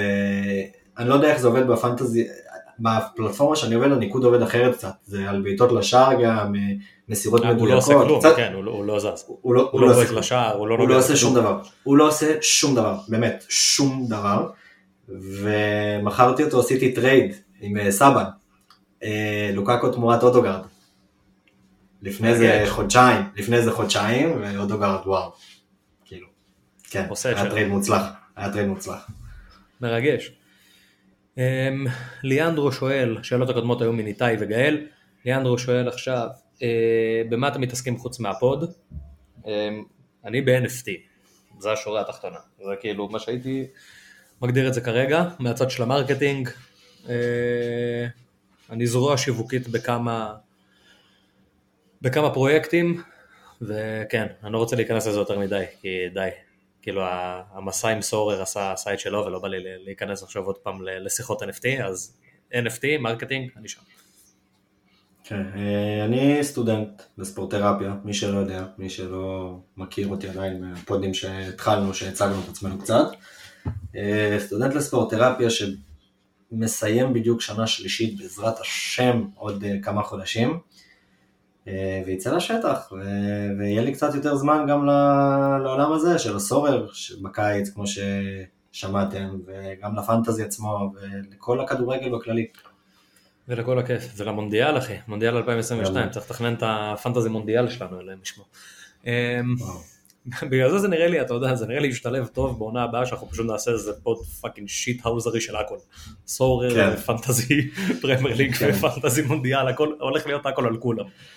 כן, כולם לא על כולם. כן, ממש, אחי. אבל בסדר, זה כיף. Uh, הוא גם שואל, מה אתם חושבים. על ליגות אחרות ומי הכי טובה בעיניכם? אם אני כנה, ואני שונא להגיד את זה, מבחינת רמת כדורגל, כאילו, מבחינת הרמה של הקבוצות, כאילו, מי תנצח, ספרד זה הליגה השנייה הכי טובה אחרי הפרמייר ליג. אני לא הולך להתווכח עם הצלחה, כאילו, באירופה מבחינתי, ובשורה התחתונה, דורטמונד, אלוהים יודע איפה הם, ויש שלוש ספרדיות בשמינית. אחת מהן העיפה את יובה, זה כאילו, זה, זה big deal מבחינתי, אה, אז אני עושה לזה את הכבוד. הליגה הראשונה זה כמובן ה Premier בפער. אבל, אבל, ויש כאן אבל גדול, אני לא יכול לראות לליגה, אני, קשה לי, כאילו ממש קשה לי. המשחקים בעיניי בהרבה מאוד מקרים לא טובים. כאילו לא רק לא, כאילו לא כיפים, לא כיפים לצפייה, כי זה הרבה נפילות וזה הרבה כזה זה, והרבה חרטות, לא, אני לא אוהב את זה. בונדסליגה זה פשוט, זה קרבות, זה כיף לא נורמלי, זה פשוט רק התקפות, אין הגנות בשום צורה וזה כיף. אז אני נותן כאילו, יש לי שתי תשובות לזה, כיף זה בונדסליגה ורמת כדורגל זה לליגה. אני בוחר בכיף תמיד. אני, אני ממש ממש ממש ממש איתך, אני אקריא את התשובה שרשמתי, סתם אה, מתוך אה, כבוד, אבל אה, זה ממש מה שאמרת. Premier League מעל כולם, קודם כל, כאילו חשוב לציין את זה, זה, זה לא, זה, זה, זה כמו לראות כאילו ליגה ישראלית ואז לראות איזושהי ליגה באירופה, לא אגיד Premier League להגזים, אבל בלגית. כל ליגה אחרת. בלגית, בלגית כן, כן. לגמרי. אבל מבחינת רמה של כדורגל באמת הליגה הספרדית אחרי האנגלית וגם הגרמנית אני מאוד אוהב אותה מבחינת החוויית צפייה נקרא לזה ככה שהם משחקים שם מאוד התקפי. אין קונקו אחי, שורה תחתונה, שורה תחתונה זה אין כן. קונקו. אין קונקו זה כאילו וואו, וואו, ראיתי את השש אחד של לייפציג על, אה, על פורט, אימא'לה. כאילו הם גם שחטו אותם, כן זה לא היה תחרותי אבל זה זה היה פשוט כיף לראות את זה. אה, אילון שואל, מה המחזור שאתם מתכוונים להשתמש בו בבנצ'בוסט ולמה? לא נתנו חוקים, אמרנו שאפשר לעשות מה שבא לך, היה גם שאלות של, פר... גם שאלות של פנטזי, למרות שזאת שאלה יחידה נראה לי של פנטזי, בערך, לא איך מסתכלים על זה. אה, מחזור 36. עכשיו גם יותר קל להגיד את זה כי אנחנו אחרי הגביעים. זה מחזור שאמור להיות כפול גדול, מחזור 36 ומחזור 37 שניהם צפויים להיות מחזורים כפולים. מי בדיוק תכפול שם אנחנו לא יודעים, אנחנו ברמה מסוימת מקווים שגם צ'לסי, גם סיטי וגם ליברפול כולן יכפלו ב-36, אפשרי שזה יקרה, זה לא בטוח. אה, וכן, אבל כאילו באופן כללי חרא על הבנץ', כאילו, זבל של צ'יפ, וכן. אבל 36 זה כן. התכנון. אז אני גם, אני רשמתי 36, יהיה לי הרבה זמן להתכונן לזה ולהגיע למצב טוב למחזור. את האמת, אם היית מחזיר אותי אחורה, אז כמו שאמרת, אז אה, אני לא סובל את הצ'יפ הזה גם, והייתי פועל אחרת, והאמת לא רק לגבי זה, לגבי כל הצ'יפים, והייתי משתמש בו כבר כנראה. את ה wild card הראשון הייתי עושה יותר מוקדם. אה, ה wild המוקדם, ה wild הראשון שנינו דפקנו. כאילו כן. חיכינו איתו ממש הרבה יותר מדי זמן. מה שקרה ב- בתקופה האחרונה כאילו עם האסטרטגיית צ'יפים זה הזוי, כי עשינו אני ואתה את אותה אסטרטגיית צ'יפים, ואנחנו במקום אחר לחלוטין כאילו, אחד מהשני.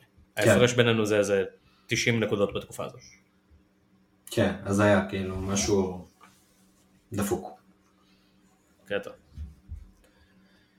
טוב, עידו שואל, אתם תעשו משהו עם מינוס ארבע המקורית, אז מינוס ארבע המקורית, למי שלא יודע, זו הקבוצה המקורית שנפתחה לפני שירשנו את הקבוצת פנטזי פרמייר ליג של, אה, של ישראל, של הזווית, אותה ירשנו בסיום העונה שעברה, לפני חצי שנה, טיפה יותר, ויש לנו את הקבוצה המקורית של מינוס ארבע המקורית, שאנחנו שומרים אותה ואנחנו כזה לא נוגעים בה, היא סוג של נעולה כזאת, אנחנו לא מאשרים לשם אף אחד, כי שם אנחנו יודעים שזה ה-OG's, בוא, נ, בוא נגיד את זה ככה. עכשיו אם יהיה לו שימוש או לא, אני לא כל כך יודע להגיד, שנינו עוד לא כל כך יודעים להגיד, אבל יש משהו שיכול מאוד להיות שימוש לה, זה לא בדיוק שימוש לה, זה יותר כזה איזה סוג של הטבה לאנשים שהיו שם לפני, כאילו לאנשים ש... שנמצאים בקבוצה הזאת וזה. לא הייתי ממליץ לכם לצאת ממנה, זה הכל. למרות שאנחנו, כן. ב- כאילו, אנשים שמוכרים כבר בקהילה שלנו וזה, סבבה, אנחנו יודעים מתי הגעתם, הכל טוב. זה לא שעכשיו אתה יודע. אם יניב פתאום כן. יצא, זה לא שאנחנו זה. אנחנו יודעים מתי, אתם איתנו. לא, יניב, אני לא יודע, לדעתי יניב חדש, אני לא. אז זה לא זה, אבל כאילו, אנשים שפחות אולי, שהם יותר לרקרים כאלה, ופחות מדברים, ויותר כזה, אתה יודע, כי לא כולם פעילים, יש אנשים שפשוט אוהבים להתעדכן וזהו, ולקרוא וזה הכל. לקרוא, לשמוע וזהו. אז אנחנו כן רוצים לפרגן שם איכשהו ל... יש כיוון, בקיצור. יש כיוון גם קשור ל-NFTs, לעניינים, זה כל מה שאני אגיד. אין לי מה לענות גם, כאילו זו שאלה כזה לשתינו, מה אתה כן, מחכה אה? שאני אגיד? כבר אמרתי יותר מדי, כבר אמרתי יותר מדי. כן, זו שאלה לשתינו, כאילו, אה, אני אעשה משהו אחר. מה חשבת שאני אעשה משהו אחר עם הקבוצה, כאילו, אני אפתח שם, אה, לא יודע, לא, אולי? תגיד כזה, אולי תגיד כזה, אתה לא יודע, נערף. לא תגיד כזה, אה, אתה בטוח שאתה רוצה להגיד את זה? טוב, אה, ארז שואל, האם לנצח אה, בגביע הישראלי או מקום 99 בעולם? 99 אני כאילו לא. אני לא מסכים עם התשובה שלי, כן, אני כתבתי לנצח בגביע דווקא, אתה יודע? 99 בעולם, ברור. כי כאילו, 99, קודם כל 99 בעולם זה כנראה ראשון בישראל. זה העניין. כאילו 99 בעולם זה כנראה ראשון בישראל, זה כנראה שלקחת את הליגה שלך, של הכסף. אה, כאילו כנראה, ש... כנראה שעשית משהו, כן? כנראה, לא יודע מה, לקחת עוד כן. פעם מארז בירות, מתנת ביר בזר חרט, עושה פה פרסומת לבן. תשלח לו, קבלה בביט. אתם לא משלמים לנו יא גזור. אוי ואבוי. אמ, אה, אני אני כתבתי אבל לנצח, כי כאילו התחושה של הניצחון היא תחושת הניצחון, אבל מקום 99 בעולם אמור להביא לך ניצחונות. כן, כאילו אני מעדיף 99 לנצח. אם אתה אומר לי שמקום 99 בעולם שם אותי מקום שני בליגה שלי, מקום שני ב- בישראל, מקום שני בכל דבר אחר, אז אני מעדיף לקחת את הגביע. אוקיי. אני רוצה מקום ראשון. כנראה- אוי, זה- זה- זה- אתה- אתה אתה אתה. מבין? יש פה- יש פה טריקיות. כן. אמ, זה משנה. זה משנה. זה משנה. בסדר, נו, נתנו תשובה פתוחה, אחי. סבבה. כן. תשובה פתוחה. אמ, מי הם השלושה טוויטרים הכי שווים לפנטזי פרמייר ליג? כתבתי שלוש, אה, באופן כאילו, אני משער שמפתיע, הם לא כולם בדיוק כאילו טוויטרים של פנטזי, אם זה מובן וברור. כאילו הראשון זה ביג מן בקר, שזה איזה בחור שמדי פעם מתארח גם ב-FPL ווייר, שזה גם כן פודקאסט מוצלח, גם פודקאסט טוב כאילו, הם יותר כזה סטטיסטים וכאלה, הם יותר כזה מחושבים, זה פחות עם רגש, אבל יש שם כאילו, יש שם אוהד צ'לסי גדול וגם יש שם אוהד יונייטד גדול. אז זה נחמד גם ש... כאילו אם לצורך העניין אני ארצה לקבל החלטה בנוגע ליונייטד או לצ'לסי, אני כנראה אשמע אותם. הוא מדי פעם מתארח שם, לא מעט, אני כבר לא יודע אם הוא חלק מה, מהצוות או לא, זה לא ברור, אה, אבל יש לו, יש לו כל שבוע, לפני כל מחזור, הוא עושה איזה סוג של הכנה למחזור.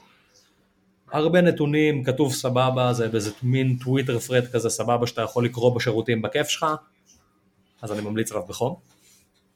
אה, השני זה Team News and Ticks, היי, לקחת לי אחד, יא רמאי. כ- כחייב, זה כאילו, זה הדלפות בשורה התחתונה של, אה, של כל מיני דברים כאלה ואחרים, לצורך העניין אה, מרטינלי לא משחק או רמבו לא משחק, דברים כאלה, מדי פעם הוא מקבל אותם מוקדם. שיש, אה, שיש איזה מין ספק בנוגע לשחקן הראשון, כמו שהיה נגיד עכשיו עם רפיניה, אז אתה מרפרש את הטוויטר שלו הרבה. ואת האמת, אני רוצה להגיד שסוג של, זה די מאותה סיבה, אבל FPL רוקסטאר, למרות שעכשיו הם, הם כאילו, הם, הם בסוג של קרב אחד מול השני, אבל זה כן, זה כאילו הטוויטרים, מה אני אעשה? זה הטוויטים האלה שנותנים לך טיפה, זה, הטווי, זה החשבונות טוויטר האלה שנותנים לך איזה אדג' קטן. כי אם אתה עוקב אחריהם ופתאום גילית שרפיניה לא כשיר, אז גילית שרפיניה לא כשיר, ואנשים אחרים לא ידעו את זה.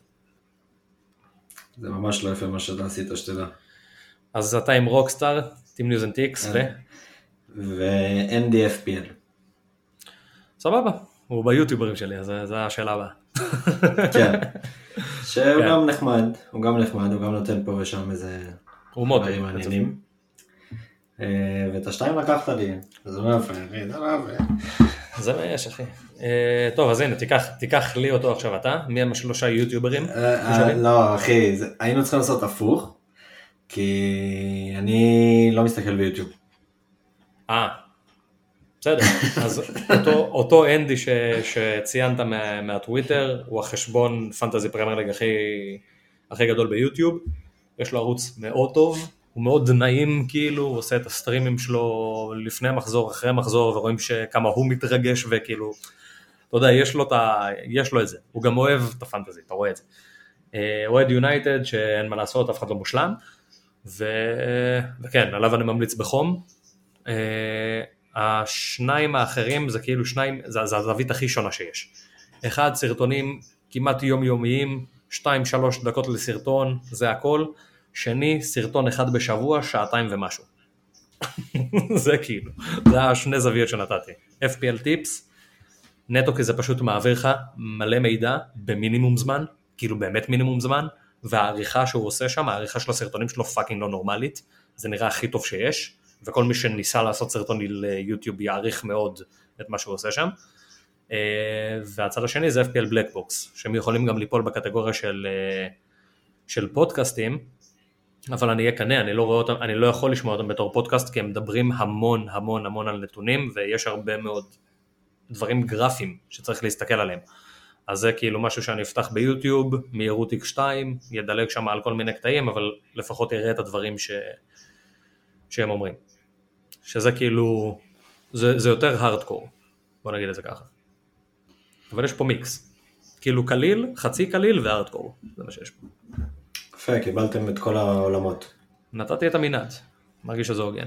אמ, מי הם השלושה ישראלים הכי טובים לטעמכם בפנטזי פרמייר ליג? דבר אתה. זו שאלה טובה, ידעתי שתפנה את האש אליי כמובן. יאללה, דבר. אה, טוב, אז אה, קודם כל אני חייב להגיד, אה, לצערי הרב, איתמר דביר. לצערי הרב. כן. כן, הוא שמה, הרבה בזכותי, אבל הוא שמה. האמת זה מוסיף, אני לא אשקר. ברור, זה כל אחד מאזן פה את השני, אין ספק. זה, אתה יודע, זה מעלה מכל כיוון. אבל uh, שורה תחתונה, אז uh, איתמר דביר רשמתי, רשמתי את עצמי, כי אין מה לעשות, כאילו בצניעות, לא, לא בקטע רע, אבל uh, מרגיש שאני כבר די שם, כאילו באופן עקבי, ואני אגיד לכם את האמת אבל גם, אני לא יותר מדי עוקב עכשיו אחרי הליגות בישראל, או לא יודע, מי ראשון בישראל, מאוד, ודברים כאלה, כל, משנה שעברה והשנה, כאילו, אין, אין לי את ההשוואה מי היה שנה שעברה בצמרת ומי השנה, אז כאילו אין לי כל כך, אבל בקרב חברים ואנשים שאני מכיר, אז uh, אני חייב להגיד גם מילה על אדיר, שהוא מזכיר לי את עצמי לפני שנתיים, שהייתי יותר אימפולסיבי, אבל uh, הוא, הוא, לא, הוא לא משחק בפנטזי שנים, והוא במקום מאוד יפה. כן, זו עונה שנייה שלו. זו עונה שנייה שלו והוא במקום ממש סופק. ממש יפה. כן, כן הוא, הוא, אני מאמין שעונה הבאה הוא כבר אה, פחות ישים נאצ'ו קפטן ודברים כאלה. כן, פחות יתרגש.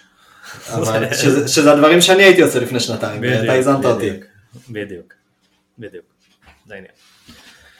אה, אז כן, אני אתן את השלוש שלי. דבר ראשון, אני אהיה פרר, סבבה? בהתחלה כתבתי, אתה יודע, איזה תשובה הגיונית כזאת וזה ופה ושם, ואז אמרתי, תשמע, לא משנה מי אני אגיד, כאילו סבבה, אני אגיד אני אתה, ואני אגיד עוד מישהו, ואז אני אעליב מישהו. אני אעליב אנשים אחרים, סבבה? אז אני אומר אותך, כי מגיע לך. אבל, אני בצד, יש לי תשובה שהיא אחרת. יש לי תשובה של לוחמה פסיכולוגית קטלנית, אחי. לדעתי אוקיי. השלושה ישראלים הכי טובים ב Fantasy Premier League, בפער גם. הם לא רואים אף אחד ממטר. אלה השלושה מאמנים הכי טובים שישראל ראתה אי פעם, סבבה? הראשון זה עומר אפל, תקשיב, הראשון זה עומר אפל, השני זה נמרוד סינגרמן, אה, סינגרמן סליחה, והאחרון זה משה דוידוביץ'. למה אתם שואלים? כי בליגה של היונות אה, אני מקום רביעי והם שלושתם מעליי והתחילה מלחמה פסיכולוגית, כל האמצעים כשרים אחי. יאללה. סוף עונה אחי, אני באתי מוריני היום. זו האווירה שלי. הם הכי אוקיי, טובים בפרמייר ליג, הכי טובים שיש, הם הכי טובים במדינה, הם הכי טובים בעולם גם. אין יותר טובים. מקובל. יאללה. תשובה מקובלת לגמרי. טוב, זה, זה, זאת השאלה הכי כאילו קלה שהייתה פה. אם הייתם יכולים לשמוע רק פוד אחד בשבוע, מה הוא היה? אני מתלבט. בין שתיים. מה מתלבט אחי זה אתה חייב להגיד דבר ראשון מינוס ארבע קהלך שלי. לא. ה pod הכי טוב במדינה אנחנו ה pod הכי טוב בעולם אחי אתה דבר ראשון. אתה נפלת אחי אתה נפלת. לא אתה דבר ראשון חייב. אתה נפלת ושאני אגיד את לא. התשובה אתה תבין כמה נפלת. למה? שהתלבטתי בין מינוס ארבע למינוס שמונה. יואו אתה צודק. יואו אתה צודק אבל לא זה חזירי אחי. למרות שאם אנחנו מדברים תכלס כאילו אז כן. כאילו אם אני כן. באמת מדבר תכלס אז כן. כן, יש דילמה, יש דילמה. מינוס ארבע זה ה baby. מינוס ארבע זה גם, כאילו מינוס ארבע זה גם יותר אווירה, זה צריך להיות כאילו, זה תוכנית, כאילו בשורה התחתונה, אתה יודע, אנחנו פונים פה לקהל מאוד רחב, כאילו יש, יש לנו מאזינים שיאזינו לנו כל שבוע בשביל הסטלבט והצחוקים, ויש לנו, ופחות כאילו יאהבו שאנחנו ניכנס עכשיו יעני לדברים יותר מדי עמוקים ונדבר על סטטיסטיקות וזה יותר ישעמם אותם, ויש מצד שני בדיוק את הסקאלה ההפוכה. את אלה שמקשיבים לנו נטו בשביל לדבר על כמה פעמים בארנס בעט למסגרת בחמישה משחקים האחרונים, אה, ופחות יאהבו את ה banter, ופחות כאילו יתחברו לזה. אז אתה צריך איפשהו לשרת את כולם, וזה יוצא איזה מין pod שהוא כזה, אתה יודע, מאוזן, לכאן ולכאן. מינוס שמונה זה של המכורים, זה של ה... זה כאילו, אתה יודע, זה, זה pod של הרבה יותר תכלס. נכון. אז כן. כאילו, תלוי מה אתה אוהב. כן, זה שילוב של שניהם, שורה תחתונה. הם גם משלימים אחד את השני. אבל כן, כן. בקיצור כן. אם הייתי אומר איזה מישהו באנגלית אבל זה FMLFPL, למה? כי אני רוצה לפרגן להם עוד פעם. למה? לא יודע, אני במוד מפרגן להם. יאללה, מקובל. אני איתך, נותן להם גם. יאללה, לעיניים. תשמע, יש לנו גם מלא פודים ישראלים כאילו טובים, זה לא, אני לא רוצה שזה ירגיש שכאילו אני מפרגן רק לאחיי המכורים. כן, אני, אני יכול להגיד שאני, ש, שאמרתי בתחילת הפרק, שאני בת, לא בתחילת הפרק, בתחילת החלק הזה של הפרק, אה, שהייתי שומע פודקאסטים לפני שנתיים, שלוש, אז אה, בשירות הוד מלכותם, מאוד אהבתי לשמוע. יש להם pod מצוין. כן, אבל אתה יכול לקרוא לו fantasy, זה לא pod של fantasy. אה, הייתה שאלה על fantasy. כן. חשבתי, אז רשמתי את זה במקום אחר, ששאלו... לא, לא יודע. לא יודע איפה. רשמתי את זה. בוא, בוא נדבר אחי על שאלות מרגשות, סוף סוף. נועם בא ופתח פה את הסיטואציה אחי. נועם בא ושאל אותנו שאלות שאנחנו רוצים לדבר עליהן בהכי כיף שיש אחי. אתה מוכן? אני לא אני קצת אה, נאבד לי על זה. כן, אוקיי. אוקיי, בסדר. מצאתי. הזוכה. במונדיאל 2022 ולמה דווקא היא אחי בוא נצית את הדיון הזה הגיע הזמן אנחנו עוד מעט שם אחי מי זוכה במונדיאל? אה, רגע, שאלו אותך כמה שעות שבועיות אתה מקדיש לפ- ל Fantasy Premier League, אחי, זה לא יפה. אוי נכון כי קראתי את זה ושכחתי מזה. בסדר. אחי, זה. ממש לא יפה. זה ממש לא אבל יפה. יש פה, יש, יש פה תשובה משעממת ויש פה תשובה שכאילו זה, כי אם אנחנו עכשיו לוקחים בחשבון הקלטות של הפודים, ההכנות לפודים, כל ה... זה, להכין את הפוסטים לפייסבוק, להכין את הפוסטים לפטריון, ים, כאילו ים, זה אם אני תכלס ים, אני, אבל השאלה אם אנחנו מסתכלים על זה ככה או יותר כזה, כמה זמן אנחנו מקדישים לפנטזי פרמייר ליג יותר לקבוצה שלנו, ואז זה גם כן כאילו איזה מין תשובה שמשקרת קצת, כי אני, כאילו כל הדברים האלה שאני מכין, בסופו של דבר אני גם, זה, זה נשמר בראש, זה גם איזה סוג של הכנה לקבוצה שלי. כן. שמע, שבוע אנחנו מדברים כאילו על 15-20 שעות לדעתי מינימום. מינימום. כן. אצלך זה לדעתי 15-20, אצלי לדעתי זה בכמה שעות שבועיות, בוא נגיד, שמע, אתה בעשר לדעתי. כן, באזור הזה. באזור הזה, כי... אתה, אתה, אתה מחשיב עכשיו את התקופות, אתה, אתה מבין כאילו, תחשוב לאיפה אני יכול להיכנס לזה. אם אתה רואה את המשחקים זה נחשב שאתה מקדיש גם זמן לפנטזי במובן מסוים? כי אתה רואה את המשחקים. אמיתי. לא, כאילו כן אבל לא. הנה יפה, זה כן אבל לא, יש פה הרבה דברים שהם כן אבל לא, אתה מבין? סרט. כן. שאתה במינוס שמונה מתחרקש אחי עם לידו, שולח לו מדבקות של העונה. עכשיו אתה משקיע הקדשת זמן לפנטזי פרמייר ליג, אני לא יודע אחי, אני לא יודע אם זה נופל להגדרה. כן, כן, כן. כן, בגלל- זה לקח לי זמן לענות, אני כזה הקטע, בראש. זה. שאלה קשה אחי, כן, שאלה כן, קשה. כן, כן. מבחינתנו זו שאלה ממש קשה. כן, גם בתשובה שרשמתי מראש, כאילו רשמתי, אני לא יודע להגיד מספר השעות, אני יכול להגיד שלצערי הרב, בגלל הלימודים ועבודה, אני משקיע קצת פחות כרגע, אבל אה, זה יתאפס ממש עוד כמה חודשים. מה יש? בסדר, גם תשובה. אה, טוב יאללה נו, הרמתי לזה. הזוכה של מונדיאל 2022 אחי. דבר אליי, אני רוצה שאתה תגיד קודם. אוקיי. אני מבקש שלא תגיב עד, עד, עד סוף ה... אז התשובה שלי. הוא הולך להגיד ספרד. נו, אוקיי. לא, אז אסור לך לדבר מהרגע שאני עונה. בסדר, לא מדבר, יאללה נו רוץ. ארגנטינה. אוקיי?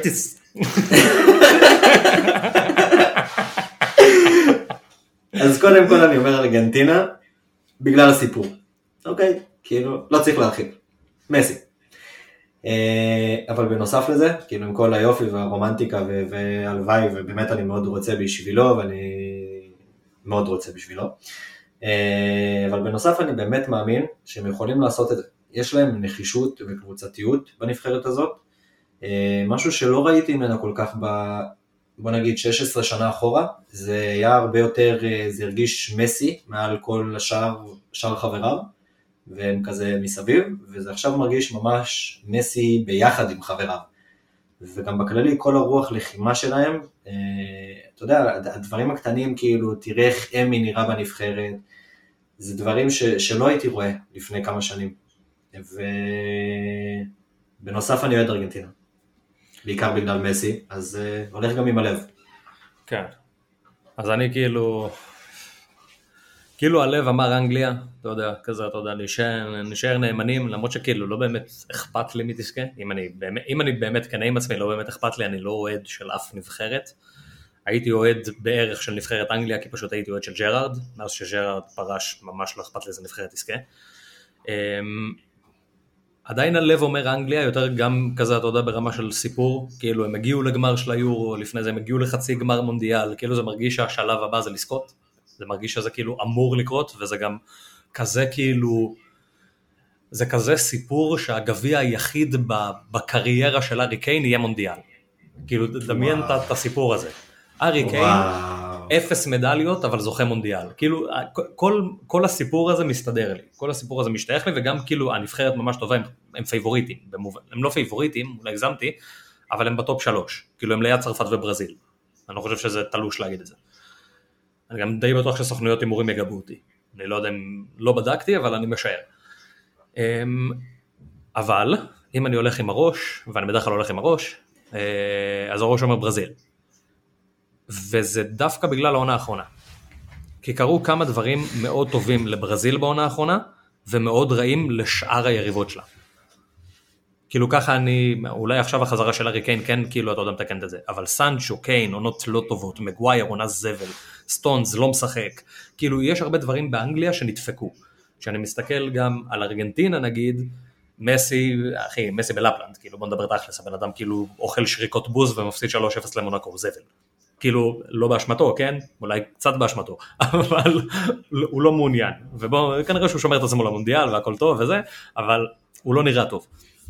מצד שני, כשאני מסתכל על ברזיל, וכן, אמנם נאמר אוכל חרא, חד משמעי, אבל פריצות אחי של אנטוני, של ויניסיוס ג'וניור, רפיניה באיזה סוג של עונת פריצה שנייה, אם אפשר לקרוא לזה ככה, פקטה, אה, קוטיניו חוזר לעצמו, טילבה בעונה משוגעת למרות שהוא מבוגר רצח, דני אלווס חזר לחיים, כאילו יש הרבה מאוד דברים בברזיל שזה מרגיש לי שהפאזל נורא מסתדר, חוץ מנעימר, שזה כאילו הדבר היחיד כזה שלא כל כך מסתדר כרגע. אז אני עם ברזיל. זהו, כאילו אם היית אומר לי לשים, כאילו יתחיל המונדיאל נשים 100, זה יהיה על ברזיל, כנראה. מרגש, מרגש, אהבתי. טוב, זה, השאלה הזאת אחי, שלחה אותי ל... איזה מסעות. אפרופו זה כאילו, זו הפינות החשוכות שאתה מגיע אליהן שאתה מאמן סורר. אה, כישרון כדורגל לא מוכר, לא קשור לפנטזי ששווה לשים עליו עין. דבר אתה קודם, תביא לנו איזה מישהו מהמנג'ר, אחרי זה אני אביא פינות אה, שלכם, ממש פינות. אוקיי, אז אה, האמת שהשחקן שאני הולך להביא, אתה גם מכיר אותו. אה, קוראים לו, יכול להיות שעוד לא מעט מכירים אותו, כן? אה, אבל הוא, לא, הוא עוד לא שם כל כך מפורסם, וזה בנג'מין סיסקו אה, מזלצבורג, חלוץ, בן 18, סלובני, ילד טוב, ילד מאוד ילד טוב. של זלצבורג. כן, ילד של זלצבורג. עוד ילד של זלצבורג. זו הדרך היחידה לתאר אותם. כן. זה פשוט כן. מלא ילדים של זלצבורג. כאילו אפשר באמת למנות, אנחנו יכולים עכשיו לפתוח את הרכב של זלצבורג, ואני סתם אזרוק שם וזה הגיוני.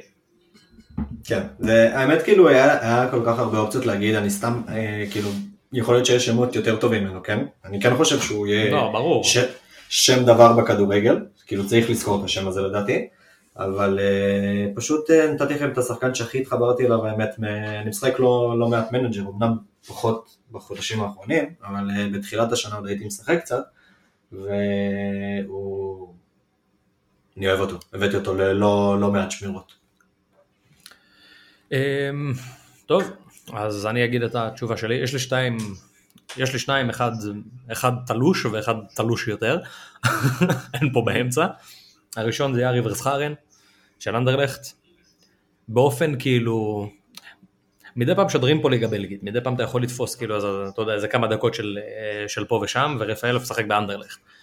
אז את ורסחרן אפשר ממש לראות, ואפשר לראות אותו משחק. ילד בן 19-20, מזכיר את מסי בתנועה כאילו, כי הוא כזה נמוך וזה, ופה ושם, אבל הוא לא משחק על העמדה של מסי, הוא יותר קשר התקפי כזה.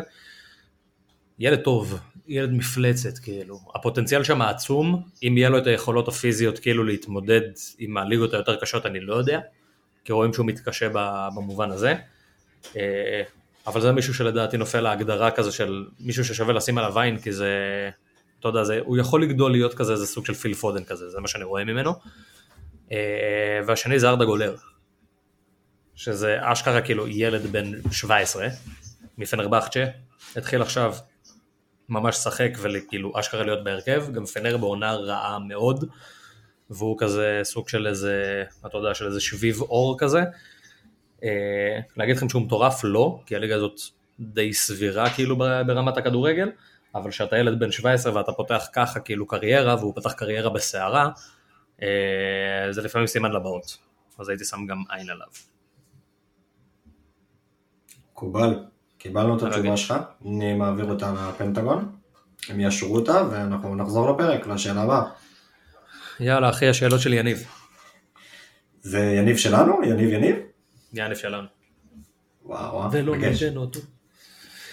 Uh, טוב, אם הייתם יכולים לעזוב הכל, לטוס לכל מקום או אירוע בעולם, לאן הייתם טסים? דבר אליי. פה יש בעיה. גם פה יש בעיה אחי, אנחנו מדברים יעני אתה יודע כל אירוע בכל זמן, שאנחנו מדברים אתה יודע משהו כאילו ריאלי והגיוני. אני רוצה להישאר בגבולות ההיגיון, כי עניתי תשובה הגיונית כאילו. אה אז אני עניתי תשובה, כאילו, לא כל כך... מה אתה ענית? תענה מה אתה ענית, אני אתאים תשובה אליך, הכל טוב. אוקיי, אז אני רשמתי, אה, ארה"ב, גמר NBA, שבע משחקים, כל המשחקים. סבבה, קיבלתי. מגניב, הגיוני. אני אמרתי מונדיאל, אז כאילו אנחנו די על אותו לא די אותו קונספט. כן. סבבה. אחד מונדיאל, אחד NBA, שנינו עושים אה, פודקאסט של פנטזי פרמייר ליג אח שלי, נראה לי שאתה שתול. אני כאילו ניסיתי להביא קצת צד אחר, אתה יודע, שיראו קצת צדדים אחרים שאני גם אוהב. זה, זה ברור שאם אתם שואלים אותי עכשיו אם אני מעדיף להיות בשמינית גמר המונדיאל או בגמר ה-NBA, אני עדיף להיות בשמינית גמר המונדיאל כנראה. אלא אם זה יהיה כאילו אה, טוניסיה נגד אה, בולגריה בלי לפגוע באף אחד חלילה. טוניסיה בלי... אמ, איך ולמה התחלנו את הפוד אחי? אה, רשמתי המשיך כבודו. אה באמת? טוב אז בוא אני, אני אספר את הסיפור המאוד לא מרגש הזה. אמ, בתכלס אחרי ש... אחרי שהודחתי מהמחבושייה אחי, בעוול פנים אחי. אז אה, וואלה, לא שיחקתי באותה עונה. עונת 2019-2020 זה היה עונה שלקחתי בצעד אחורה, לא היה כאילו ליגה מתוכננת מראש, כלכלית, ש... שנותנת לך את הבערה הזאת באמת כאילו להגיע ל... לאיזה מקומות ודירוגים גבוהים, שזה משהו שמניע אותך בסופו של דבר, אז לא היה את זה, ואמרתי טוב, בוא ניקח כאילו, שיחקתי שנתיים רצוף, מאוד סבלתי במובן מסוים גם מה... מהעונה האחרונה שהייתה שם, כי כאילו סיימתי מקום שני בארץ, אם אני לא טועה, או שלישי בארץ, וליברפול סיימה מקום שני כאילו ב- בליגה, באיפה שנקודה מסידי, זה היה עונה כזה חרא. כאילו היא הייתה כיפית מבחינת הכדורגל והכל, אבל זה היה קצת חרא. אמרתי יאללה, 2019-2020, לקחתי צעד אחורה, שם גם התחיל הקורונה וכל הבלאגנים וכל השטויות וכל החרטות, אה, ופשוט נהניתי מהאליפות של ליברפול, היה כיף. אתה גם לא שיחקת באותה עונה, תקן אותי אם אני טועה. נכון, נכון, אתה נכון. גם לא שיחקת באותה עונה. שנינו פרשנו, יצאנו לשנת שבתון. כן, זה היה שנה ראשונה שלך של הלימודים. נכון. משהו כזה. אמ, ואז היה את כל הקטע הזה של הקורונה ועניינים, ואני כאילו בסופו של דבר כן הייתי מעורב, וכל מיני אנשים כל הזמן באו ושאלו אותי שאלות. כאילו אחי מה לעשות עם זה, ומה לעשות עם זה, אנשים בעבודה כזה, את מי להכניס, את מי להוציא, ואני אומר לו אחי אני כאילו אני לא יודע, אני לא יודע להגיד לך כי אני לא בתוך המשחק עכשיו, אני לא יודע כמה הוא עולה וכמה הוא עולה ואיזה כפולים הולכים להגיע, כאילו אני לא שם, אני לא יודע. ועלה רעיון כאילו, פתאום הגיע קורונה והגיע בלאגן ורצינו שנינו לחזור, והגיע רעיון של כאילו כוסאומו אחי בוא נעשה מזה פודקאסט למה לא? נראה מה יקרה. היה מיקרופון condenser מסריח בן תשע שנים שישב במגירה כמה שנים טובות כאילו, היה לפטופ, בוא נקליט מה יהיה יהיה אחי. וזהו. כן? נהנינו, כן. אתם נהנתם גם, הגענו לפה, סבבה, בדיוק, בול. אווירה. יפה. כן. אמ, אם הייתם יכולים להביא שני שחקנים לקבוצה שאתם אוהדים, את מי הייתם מביאים ולמה? מעניין. תשובה, אה, שאלה יפה מאוד, קודם כל. זה מי שאל אותה? גם יניב עדיין? מהמם. יפה, אחלה שאלה.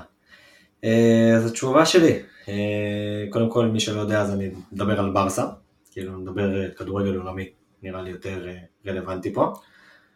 אז נדבר על התשובה שרשמתי, זה ארלינג אהלנד ורובן דיאז, ואני אסביר. אה, ברסה צריכים בלם, מאוד צריכים בלם. כאילו זה, זה נקודה שאנחנו צריכים בלם. יורש לפיקה.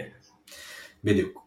אה, יורש לפיקה זה אומר אה, מישהו שהוא מנהיג, מישהו שהוא לידר, מישהו שאתה יודע, שייצב שם את כולם, גם מבחינת, מבחינת הכל, יש לרובן דיאז לדעתי הכל, הוא גם, אתה יודע, אני לא אקרא לזה בונה משחק, אבל כאילו סוג של, כאילו הוא מאוד מניע את הכדור, יש לו אחלה משחק רגל, הוא מאוד לידר, שזה מאוד חשוב, והוא צעיר, שזה הסיבה שבחרתי בו ולא בווירג'יל. אני אגיד לך את האמת, זו הסיבה היחידה שבחרתי בו ולא בווירג'יל, זה בגלל שהוא צעיר ובגלל הפציעה האחרונה של וירג'יל. כן, אה, לא, אם היית שואל אותי אני גם הייתי כנראה אומר דיאס. כאילו בחשיבה לטווח ארוך, אין מה לעשות. האמת כן. שלא הייתי אומר אה. לא אותו ולא אותו כנראה, אבל כן. וארלינג אהלנד אה, זה מהסיבה שהוא פשוט לדעתי החלוץ שהולך להיות הכי טוב בעולם, זה כמובן הוא ואמבפה אין ויכוח, אבל לדעתי הייתי מעדיף, כאילו אם אומרים לי לבחור בין שניהם הייתי בוחר בארלינג, כנראה. כאילו. כן, זה סטייל. אבל... זה, אתם יודעים, אי אפשר להתווכח על זה, זה כמו, זה כנראה יהיה הוויכוח הבא של כמו שהיה מסי ורונלדו, כן? כאילו, שונה, אבל זה יהיה הוויכוח. כן. וברסה כאילו, אתה יודע, יש לה את המייצרים לדעתי הכי טובים בעולם. גבי, פיירן, פדרי, פרנקי, דמבלה, אה, דני, ג'ורדי, כאילו זה, זה שחקנים שרק אם היה שם מישהו שיודע לסיים, זה היה וואו. ואנחנו רואים מצ'אבי שהוא, הוא, הוא, מה שאני מאוד אוהב בצ'אבי זה שהוא משלב כמה טקטיקות, כאילו, הוא, הוא, אנחנו מאוד רואים כאילו את ה- כאילו הכדורגל של פעם של ברסה, המשחק לחץ הגבוה והכל, אבל הוא משלב עם זה עוד דברים, פתאום כדורים ארוכים שלו היינו רואים, ועם הכדורגל של היום ועם ברסה של היום במקום שהיא נראית, אני חושב שחלוץ כזה יכול להתאים. אם זה היה נגיד הברסה של לפני עשר שנים, לא הייתי רוצה את ארלינג כנראה. אה, זהו, זה, זה התשובה שלי. סבבה, אני אעשה את זה קצר. קיליאן פודן.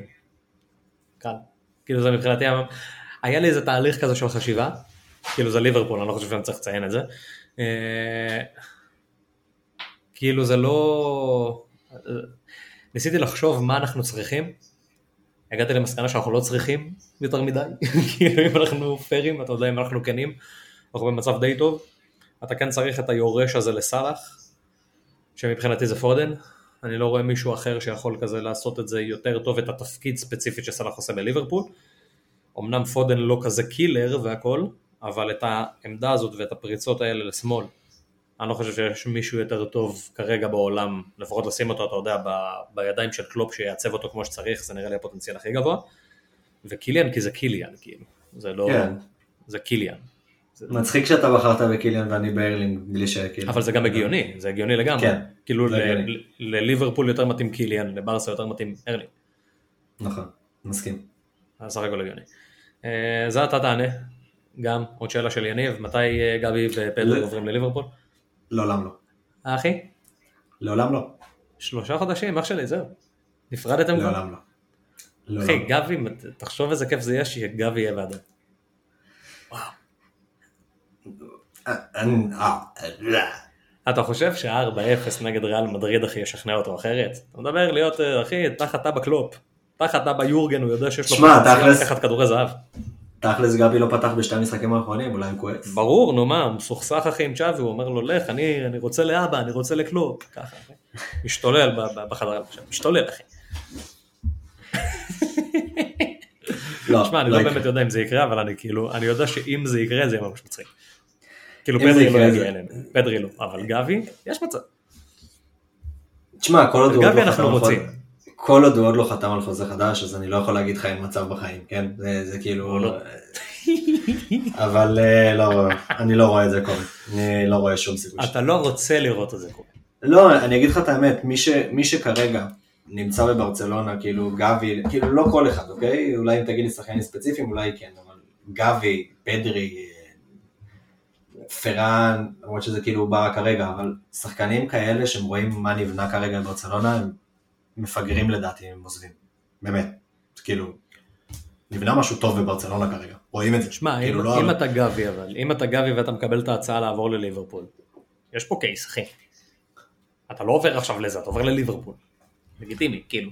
כל קבוצה לא, אחרת לא, שהיא לא לא ליברפול הייתי- וסיטי, לא- אז הייתי מסכים איתך.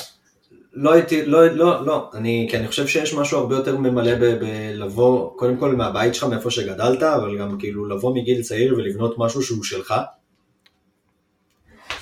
אני אוהב את זה, כאילו, אני הרבה יותר... הוא מה- יבנה משהו, הוא יבנה משהו שהוא משלו, אחי. הוא יבנה מערכת יחסים נהדרת עם ערבי אליוט. וזה יהיה רק שלו, אחי. טוב, סתם, לא, לא. אני לא באמת חושב שזה יקרה, אבל בסדר, יאללה. אה, טוב, יש, שלומי שאל שאלה אחת אליי ושאלה אחת אליך. אז תקריא את השאלה שהוא שאל, אותך, ותענה עליה, ואני, או שנעשה הפוך, אתה תענה על השאלה שלי ואני אענה על השאלה שלך. אתה תקרא את השאלה שלי. לא, לא, אני אענה על השאלה שלך. אבל לא עניתי על השאלה שלך, איך אני יודע לענות עליה, איך מתקדם לך הפרויקט NFT? אני אשאל, אני אשאל אותך, אני אשאל אותך. אה, למה התכוונת, שאלה לאיתמר מור ספציפית, למה התכוונת בליברה המגן הכי טוב בליגה חוץ מקנסלו טרנט וריס ג'יימס? מרגיש כמו אני לא נוגעת בבשר יפה שלי, רק ציצות שניצל המבורגר כבד עוף שרוף שרוף. תודה מראש, זה חשוב לי מאוד להסדר את הנושא הזה. אתה רוצה להסביר את עצמך? קודם כל, אהבתי מאוד את התיאור, היה מאוד יפה. באמת, מרגש, ריגש, חימם את ליבי, מאוד מאוד יפה. אה, אני לא חושב שיש פה יותר מה להסביר, אני חושב שליברם מגן ימני הכי טוב בפרמייר ליג אחרי שלושת השחקנים האלה. פשוט מאוד. המגן כמו שזה הרביעי. הכי טוב בפרמייר ליג. לא, הימני. הימני הרביעי. כאילו בכל הליגה הוא איזה עשירי אתה אומר. כי יש את לא רגילון, את... אני מעדיף את ליברה על רגלון. ברור, נו מה, כי זה הסטנדרט, אני- מעדיף- כן, לוד כן. שמש על רגילון, אחי. אני מעדיף את ליברה כאילו, אני מעדיף את ליברה, לא יודע, על אמרסון, על דורותי, על... אה, פשוט שחטנו את כל המגנים של טוטנאם, כאילו- כן, הלכנו, ישר טוטנאם, וואן ביסאקה, דלות, לא, לא משנה, אני מעדיף את ליברה, כאילו, זה, לא. כאילו, חוץ. מקנסלו, ריס וטרנט, אתה יודע מה, היחידי באמת ששכחתי אולי להגיד, ועדיין הוא כאילו מעליו, גם הכנסתי פה, כאילו, אני, ליברה מבחינתי, כאילו, יש את הפרמטר של הגיל, שהוא fucking ילד בן 19, והוא עבר בכל נבחרות הצעירות של אנגליה, הוא, יש לו כבר כמעט 30 הופעות בפרמייר ליג, בעונה הראשונה שלו, אה, צריכים לקחת את הדברים האלה בחשבון, הוא כולה ילד, כאילו יש לו עוד הרבה מה ללמוד, ומה שאתה רואה ממנו כרגע, זה נראה כאילו, זה נראה סוחף, יחסית לגיל ויחסית להכל. מאוד אחראי, מאוד, יש לו כדורגל. אז אה, אחלה ליברה, בקיצור, אחלה ליברה. ליברה הוא משלנו ולא ניתן אותו. אחלה ליברה. טוב, השאלה אליי הייתה איך מתקדם פרויקט ה-NFT והאם אפשר לקדם איזה אנגולו קנטה מפוקסל ככה באווירה. אז השאלה זה איזה פרויקט, יש יותר מדי פרויקטים אחי. אבל כן, דברים מתקדמים, דברים זזים, דברים זזים לאט, אבל אנחנו צריכים להיות סבלניים מצד אחד ועקשניים מצד שני. כל דבר בעיתו וזה יגיע ובוא נדבר תכלס, הסוף עונה הזה יהיה מרגש כי זה גם יפנה לנו לא מעט זמן מה... מה שאנחנו משקיעים בפודקאסט להשקיע יותר בקהילה, שזה מעניין, כי זה גם קשור לפרויקט. ונראה מה יקרה. בשורה התחתונה. הרבה אנשים מבולבלים עכשיו, על איזה פרויקט אתה מדבר? לא אומר לכם. מה תעשו? לא אומר לכם. נדבר על זה ש- קצת שיגיע קצת רגע. נדבר. הפתעות, וואלה ענינו על כל דבר שרציתם היום. תנו קצת, אתה יודע, משהו, כאילו נשמור שתוכל להפתיע אותם בהמשך. כן, מה, בשורה התחתונה. עכשיו, זה הזמן להזכיר כמה דברים. דבר ראשון, pod הבא, pod רגיל אחי. מינוס ארבע, לעניין, פיקס, כיף. אחי, הכל טוב. אתה לא רוצה שנעבור לעשות רק פודים כאלה. כאילו? בוא נעשה רק פודים כאלה, לא נדבר יותר על fantasy. רק. בקיץ זה יהיה. מעניין, בקיץ זה יהיה מעניין, כי בקיץ אנחנו נדבר על Sorare, אנחנו נדבר אתה יודע, על הדברים שקרו ב Sorare, ואנחנו נדבר קצת על הקבוצות שלנו בתוך Sorare, או כל מיני חרטות כאלה, מי קנינו, מי עלה, מה זה, כל מיני חרטות כאלה. אנחנו נדבר, אתה יודע, יותר כדורגל כזה, יותר סתם על החיים, יותר כיף אחי, נהיה כזה אחי, נראה מה יקרה. יאללה, פנני רני, בנני. וזה לא ידרוש הכנה אחי של ארבע שעות לפני כל pod, איזה יופי, יאללה. כזה, אתה יודע, זורם אחי. יאללה. נראה מה נעשה עם ה Patreon אחי. alpha pass? מישהו אמר alpha pass? אולי נעשה alpha pass, נראה מה יהיה. אמ, ודבר שני, הרשמה לסורר ב description של הפוד, הכוונה לקבוצה בוואטסאפ ולקבוצת פייסבוק, תהיה בקבוצת פייסבוק. בום. סבבה? מקובל עליי לגמרי, אחי, כאילו. מרגש, אז אנחנו רוצים להודות. ל... אנחנו רוצים להודות ל... לעופר שהצטרף אלינו ולא ציינו אותו בתחילת הפוד, כי זה לא מינוס ארבע, אחי. אנחנו נציין אותו בפוד הבא רק. ו... זה כאילו יהיה כזה, זה סוג של inception כזה, אחי. זה מטורף. אנחנו כבר אומרים תודה לעופר, אבל אחרי זה נגיד תודה לעופר ספציפית בשבוע הבא, למרות שהוא הצטרף שבוע שעבר. בום. טיל, בום, לראש. מרגש. תודה גם לאמיר, תודה לדן גלוזמן, לרז הזוגי, לאייל, לעידו חסדאי, לעידו דלל. רגע, רגע, רגע. רגע, רגע, רגע, רגע, רגע. איזה תפקיד אמיר היום? דבר ראשון עופר חדש הוא בשער.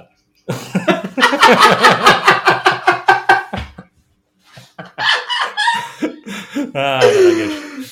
גדול. טוב, תמשיך. יש לנו פה line-up רציני אחי. עומר גלניק, עומר לוצאטו, לשמחה, לאלון רוט, לאיציק הירשברג, למתן בלחוביץ', לדניאל לוי, לשי סיפון, לאמיר קולה, לליאת לבנה, ללירי ויג, לחי עזיזה, לאלה שמשובת, ליאני ביוגוריה ולארתור ביג פוקינג לבובסקי. אנחנו נתראה בשבוע הבא ביץ'. חברים, תודה רבה. נהנינו מאוד. יאללה ביי.